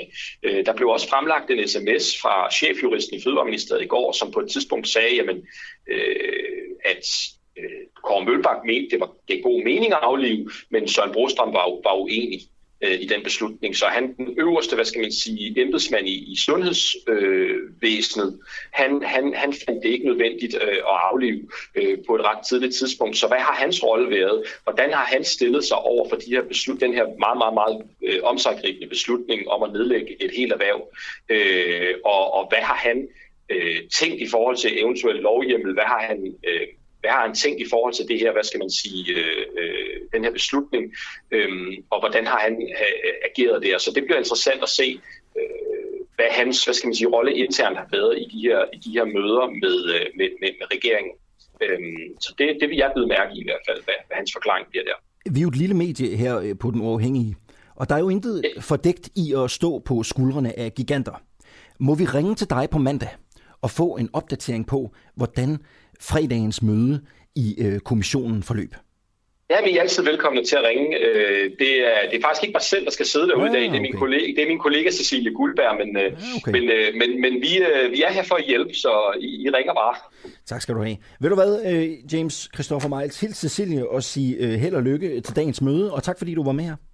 Ja, men selv tak, og øh, god dag. Hej. Du lytter lige nu til en uafhængig morgen. Kritisk, nysgerrig og levende radio, som politikerne ikke kan lukke. Vi sender live alle hverdage fra klokken 7 til 9. Lyt med via vores app på DK4 DAB, fra vores Facebook-side, eller hvis du bor i hovedstadsområdet på FM-båndet 102,9. Tak til dig, som gør det muligt. Og hvis du en dag drømmer om, at den uafhængige skal blive sådan et medie, som også får øh, retskorrespondenter, øh, stringer i udlandet, alle mulige fine titler, som de har på de etablerede medier, så skal vi bruge lidt mønt fra dig. Det koster 39 kroner om måneden at støtte øh, det her, synes vi jo selv, fantastiske øh, uafhængige medie. Gå ind på vores hjemmeside dua.dk, der kan du læse, hvordan du støtter os. Du kan også sende en sms med det samme og blive medlem inden klokken 9. Du skriver UA, Ulla Anders, sender den afsted til 12.45, så øh, kommer der et link, og så kan du være medlem på ja, nærmest 30 sekunder. er reglerne på de danske universiteter blevet for skøre? Det skal vi beskæftige os med øh, nu. Øh, min næste gæst øh, er her i studiet. Det er Josefine Romanoff. Hun afleverede sin bacheloropgave få sekunder for sent, og må ikke aflevere den ved næste deadline to måneder senere, på grund af reglerne på Københavns Universitet. I stedet for, så skal hun skrive en helt ny opgave. Godmorgen, Josefine Romanoff. Godmorgen. Prøv lige at fortælle os, hvad det helt konkret var, der skete. Jamen, vi skal jo tilbage til øh, 1. juni øh, i sommer, hvor at, øh, at jeg skulle aflevere mit bachelorprojekt øh, inden kl. 12 den dag. Og, øh, og jeg havde sådan set været i rigtig god tid, og det var sådan set, det havde været meget, meget stressende halvt år, fordi det er jo det, som mm. det tager sådan et bachelorprojekt. Øhm, men jeg var sådan set ved godt mod, og jeg havde inviteret venner øh, til fejring efter, fordi nu var jeg jo færdig lige om lidt, når jeg havde trykket aflever med en, øh, en øh, dårlig internetforbindelse til sidst så, og... Øh, og ja, øh, selvfølgelig noget, noget stress og noget tid, der er løbet fra mig, så øh, ender mit projekt først med at blive registreret i vores system klokken 34 sekunder over 12. Okay, ja. og hvad, hvad sker der så efterfølgende? Får du en melding med det samme om, at du har aflevet for sent? Er der nogen fra universitetet, der kontakter dig? Hvad sker der? Jamen, jeg får sådan en automatisk kvittering, hvor der står, tak for din opgave, vi har modtaget den. Du har afleveret tidsgrænsen med sådan en, øh, står i rødt, øh, fuldstændig fare, mm. øh, så du skal søge til omprøve. Og, øh, og det er der, hvor min verden går øh, helt i sort. Og hvad er det, reglerne for omprøve er? Jamen, øh, det er egentlig ikke klart. Det er ikke noget, de på den måde melder ud. Men i eksamensbekendtgørelsen, der står sådan noget med, at hvis man har tilmeldt sig den ordinære prøve, øh, så skal man, og hvad skal man sige, om man ikke afleverer, så dumper man øh, automatisk. Men, øh, og så har man jo så mulighed for at søge til omprøve, mm. og ja, så skal man aflevere et nyt projekt åbenbart. Men prøv at høre, hvorfor afleverer du også så sent? Øh, jeg, da jeg afleverede min bachelor, der afleverede jeg aften for inden, for jeg tænkte, jeg skal fandme ikke stå i den situation, at jeg øh, står et eller andet sted, hvor jeg ikke kan uploade min opgave, eller et eller andet andet går galt. Du har bare været i sindssygt dårlig tid. Altså, hvorfor fanden afleverede du den ikke bare før? Det er lidt utjekket, kan man jo også sige. Det har du fuldstændig ret i, og det øh, er jeg også øh, pisse, pisse træt af mig selv over. Altså, jeg må jo sige, at, det, at jeg har jo virkelig, virkelig hadet mig selv og dunket mig selv oven i hovedet i, i lige siden 1. juni. Det er så åndssvagt. Jeg synes så bare, at, at den her sag, kan man sige, handler mere om, at, at, at jeg var øh, mennesker utjekket og afleveret de her 34 sekunder for sent, fordi jeg tænkte, okay, det har jeg lært for evig tid, det der med at aflevere i rigtig, rigtig god tid. Men hvad gør vi nu? Det er jo det, jeg synes, øh, at den her sag handler om. Jeg skal bare lige vide, da du uploadede din opgave, og nettet var dårligt, var det på universitetets netværk, du gjorde det, eller var det et andet sted? Altså, vi skal alle sammen aflevere vores projekt til, op til digital eksamen, og det er via KU-net. Så man kan sige, det er jo sådan et, hvor vi øh, mere end 400 øh, afleverer deres bachelorprojekt på samme tid.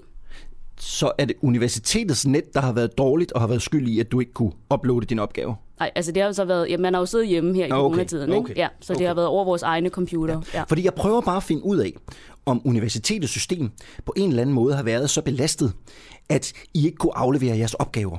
Fordi hvis det er universitetet, der har haft et dårligt system, så er det måske ikke rimeligt, at det er dig, der skal lide.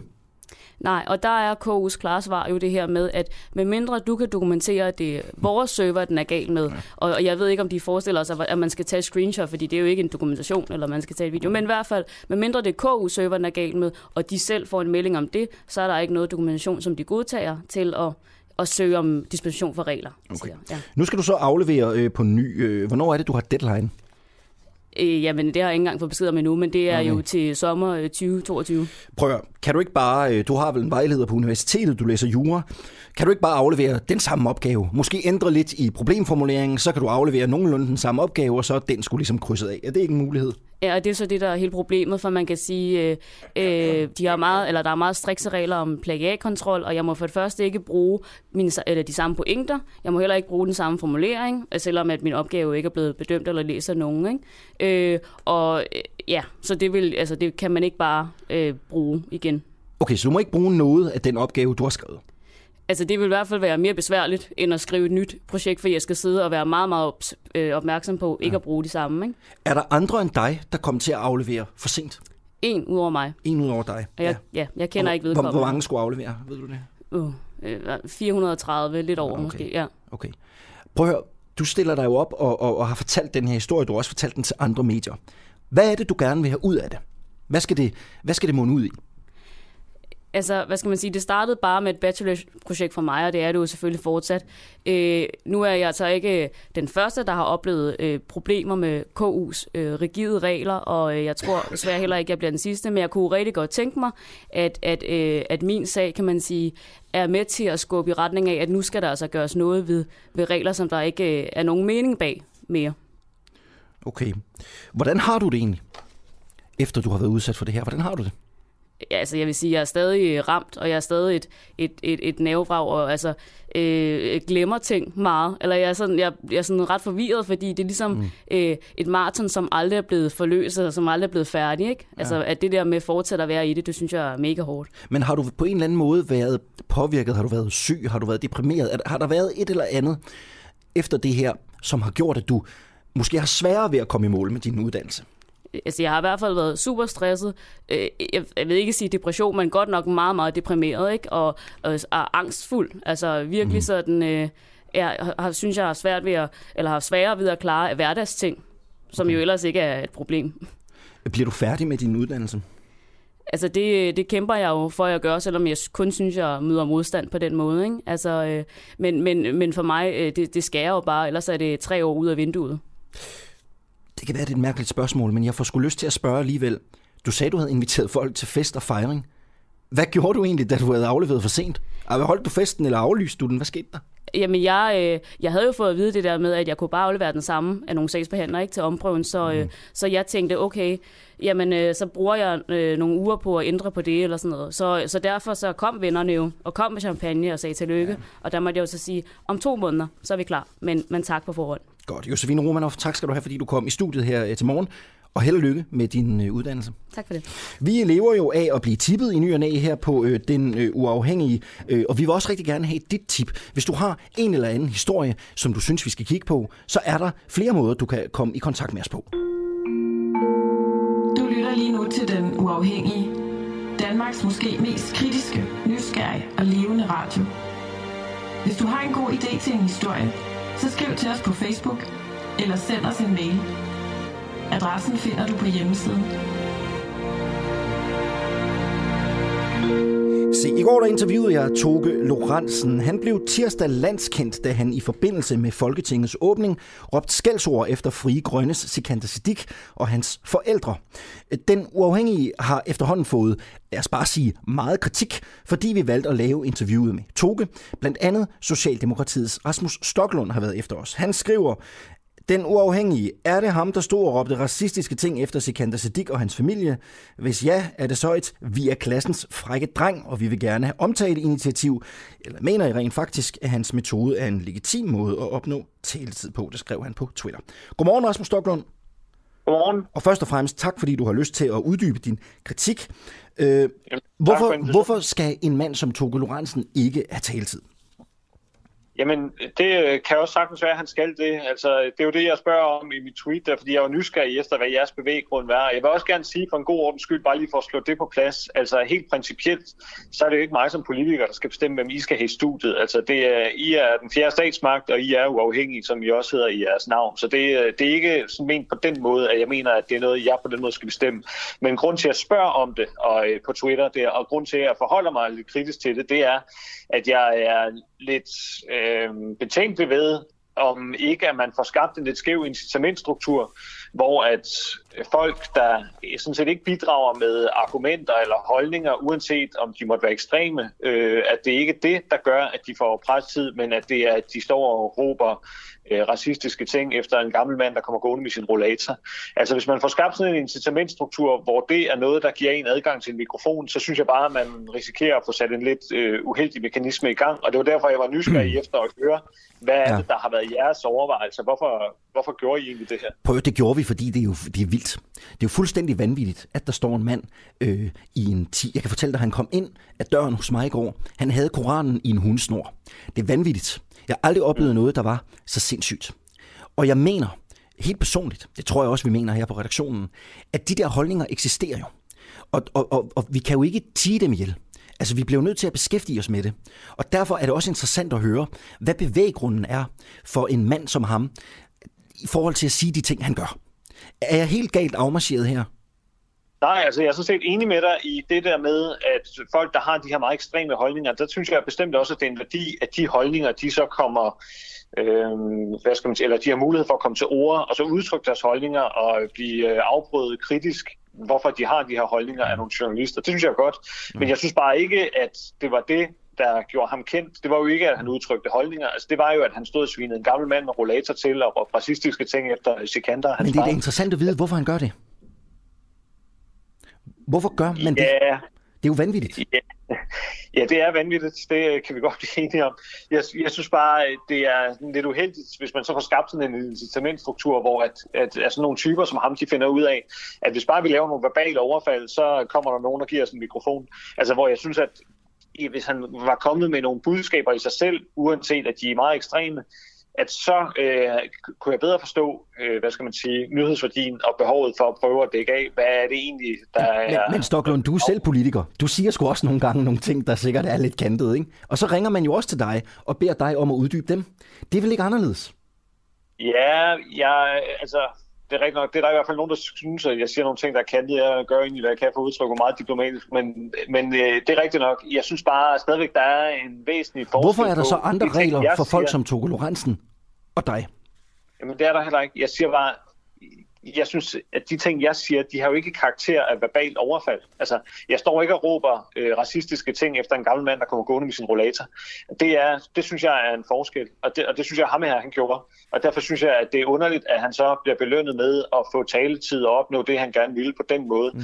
i stedet for, at man siger, okay, kom, når du har nogle argumenter, så vil vi gerne tale med dig. Synes du, det var et dårligt interview? Jeg synes ikke, at det var specielt kritisk, øh, og jeg synes, at han øh, ja, fik... Hvad var fik dårligt meget, ved det? Hvad var dårligt ved interviewet? Jeg synes ikke, at han blev gået tilstrækkeligt på klingen på, hvorfor han står og råber øh, racistiske ting efter en gammel mand med rollator. Altså, om han tror, at det fremmer noget som helst. Øh, det, det synes jeg ikke. Øh, Hvad skulle vi have gjort anderledes? Også, at, at, at jeg synes, hvad siger du? Hvad skulle vi have gjort anderledes? Hvordan skulle vi så have behandlet det? Jamen, jeg synes, man skulle have bidt sig mere fast i den del af det. Altså, lad være med at acceptere, at det her det er en vej til at fremme sine politiske synspunkter, men i stedet fokusere på, hvad det er for en opførsel at stå og råbe af en gammel mand, der kommer gående i sin rollator. Altså, øh, sådan at han ikke fik held med ligesom at, at fremme, øh, eller at få det indtryk af, at han kan fremme sin politik ved at lave den slags verbale overfald. Fordi jeg kan da godt være bekymret for sådan nogen som ham, de bare får blod på tanden og tænker, nu skal jeg bare ud og genere nogle flere mennesker, fordi så kommer der nogen, der stikker en mikrofon op i hovedet på mig. Og, og jeg synes, det man jo, hvis man skal se sådan et i helikopterperspektiv på det, så kan man jo se alle dem, der stod ude på Slotspladsen og i, i Rigsdagsgården øh, i forbindelse med åbningsdagene i Folketinget. Der var der jo alle mulige forskellige grupper, der repræsenterede alle mulige synspunkter. De fleste af dem gjorde det helt fredeligt og roligt og lavede forskellige øh, små happenings og demonstrationer og sådan noget. Mange af dem, der er ingen journalister, der har interesseret sig for, hvad de har sagt. Men ham her, fordi han laver et overfald på en gammel mand, øh, verbalt overfald på en gammel mand, så øh, får han taletid. Øhm, Mette Frederiksen, din egen statsminister, har jo været ude og tage afstand på Facebook, og også opfordret til afstandstagen i Folketinget. Man kan jo mene så, at Mette Frederiksen også selv ligesom har bragt ham til tors og været med til at gøre ham mere kendt. Så jeg får sgu lyst til at spørge dig, prøver Mette Frederiksen ikke selv at være den frække statsminister i klassen? Nej, det mener jeg ikke. Jeg har jo også selv taget afstand fra det på Facebook, og det er der jo heldigvis mange af mine kolleger, der har. Og det synes jeg sådan set er væsentligt, at når der er et menneske i Danmark, der bliver udsat for et racistisk øh, motiveret øh, verbalt overfald, at folk øh, siger fra og siger, at det kan godt være, at vi har nogle politiske uenigheder, men altså vi er mennesker først, og så må vi diskutere øh, vores politiske uenigheder bagefter, men at vi grundlæggende har en menneskelig værdighed, ligeværdighed mellem hinanden, det er det afgørende, og det kan vi godt øh, slå ring omkring. Det, det synes jeg sådan set er fuldstændig øh, på sin plads. Prøv at tusind tak skal du have, fordi du havde lyst til at være med. Jeg tror, jeg vil sige det sådan. Vi kommer nok til at lave den type interview igen. Øh, Ja, ja. Det gør vi helt sikkert. Øhm, men du kan jo melde dig ind på den uafhængige og blande dig i øh, debatten i redaktionslokalet. Så kan du være med til at, at forme, hvad det er, vi, vi sender her. Den opfordring skal i hvert fald være givet videre til dig. Det tror jeg bare ikke. Altså, det går jo ikke, at I har politikere siddende i redaktionslokalet. Det er jo... øh, Det er jo Jeg tror, jeg tror Rasmus Jarlov er medlem, faktisk. Jeg tror, Rasmus Jarlov er medlem. Det kan være, at du skal... Kan man så kom, kommer han så ind i redaktionslokalet med til at... Jeg tror, jeg har faktisk ikke set noget fra ham endnu. Det har jeg ikke. Han har ikke budt ind med en historie endnu. Det, det, skal, det skal jeg være ærlig at sige. Prøv at Ej, høre... okay. Øh, Jeg synes nu også, bortset fra det vil jeg sige, jeg synes, I gør det godt, og jeg har meget sympati for den iværksætterånd, jeg øh, fornemmer i forbindelse med jeres øh, relativt nye medie her stadigvæk. Så keep up the good work. Prøv at høre, lige præcis sådan skal det være. Og ved du hvad, så vil jeg gerne kvittere ved at sige tusind tak, fordi du altid stiller op, selv til de Jamen, mest trælse interviews. Du er en af de Selv tak. politikere, der aldrig siger nej. Det skal du have ros for. Ikke? Nå, tak skal du have, men altså, det kan også være, jeg ved også, mange af mine kolleger har også tit travlt med ting og sådan noget, så det kan jo også være derfor, at øh, man er nødt til at sige nej en gang. Så Spørg Annette Lind, om hun ikke snart vil være med i et interview hos os. Hvis du møder Annette Lind, så spørg, om hun ikke vil stille op. Hun er vildt svær at komme i kontakt med. Du må prikke hende lige på skulderen og sige, at hun lige skal svare tilbage.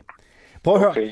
Stoklund, tak skal du have, fordi du havde lyst til at være med. God morgen til dig. tak, god weekend. God weekend. Prøv at høre. Tænk at slutte med sådan en, en kærlighedserklæring, journalist og politiker imellem. Det kan næsten ikke blive bedre. Klokken den er et minut i ni. Øh, Du skal ikke gå... Det var forkert jingle. Du skal ikke gå nogen steder. Lige om lidt, så sker der nemlig nye spændende ting på den her kanal.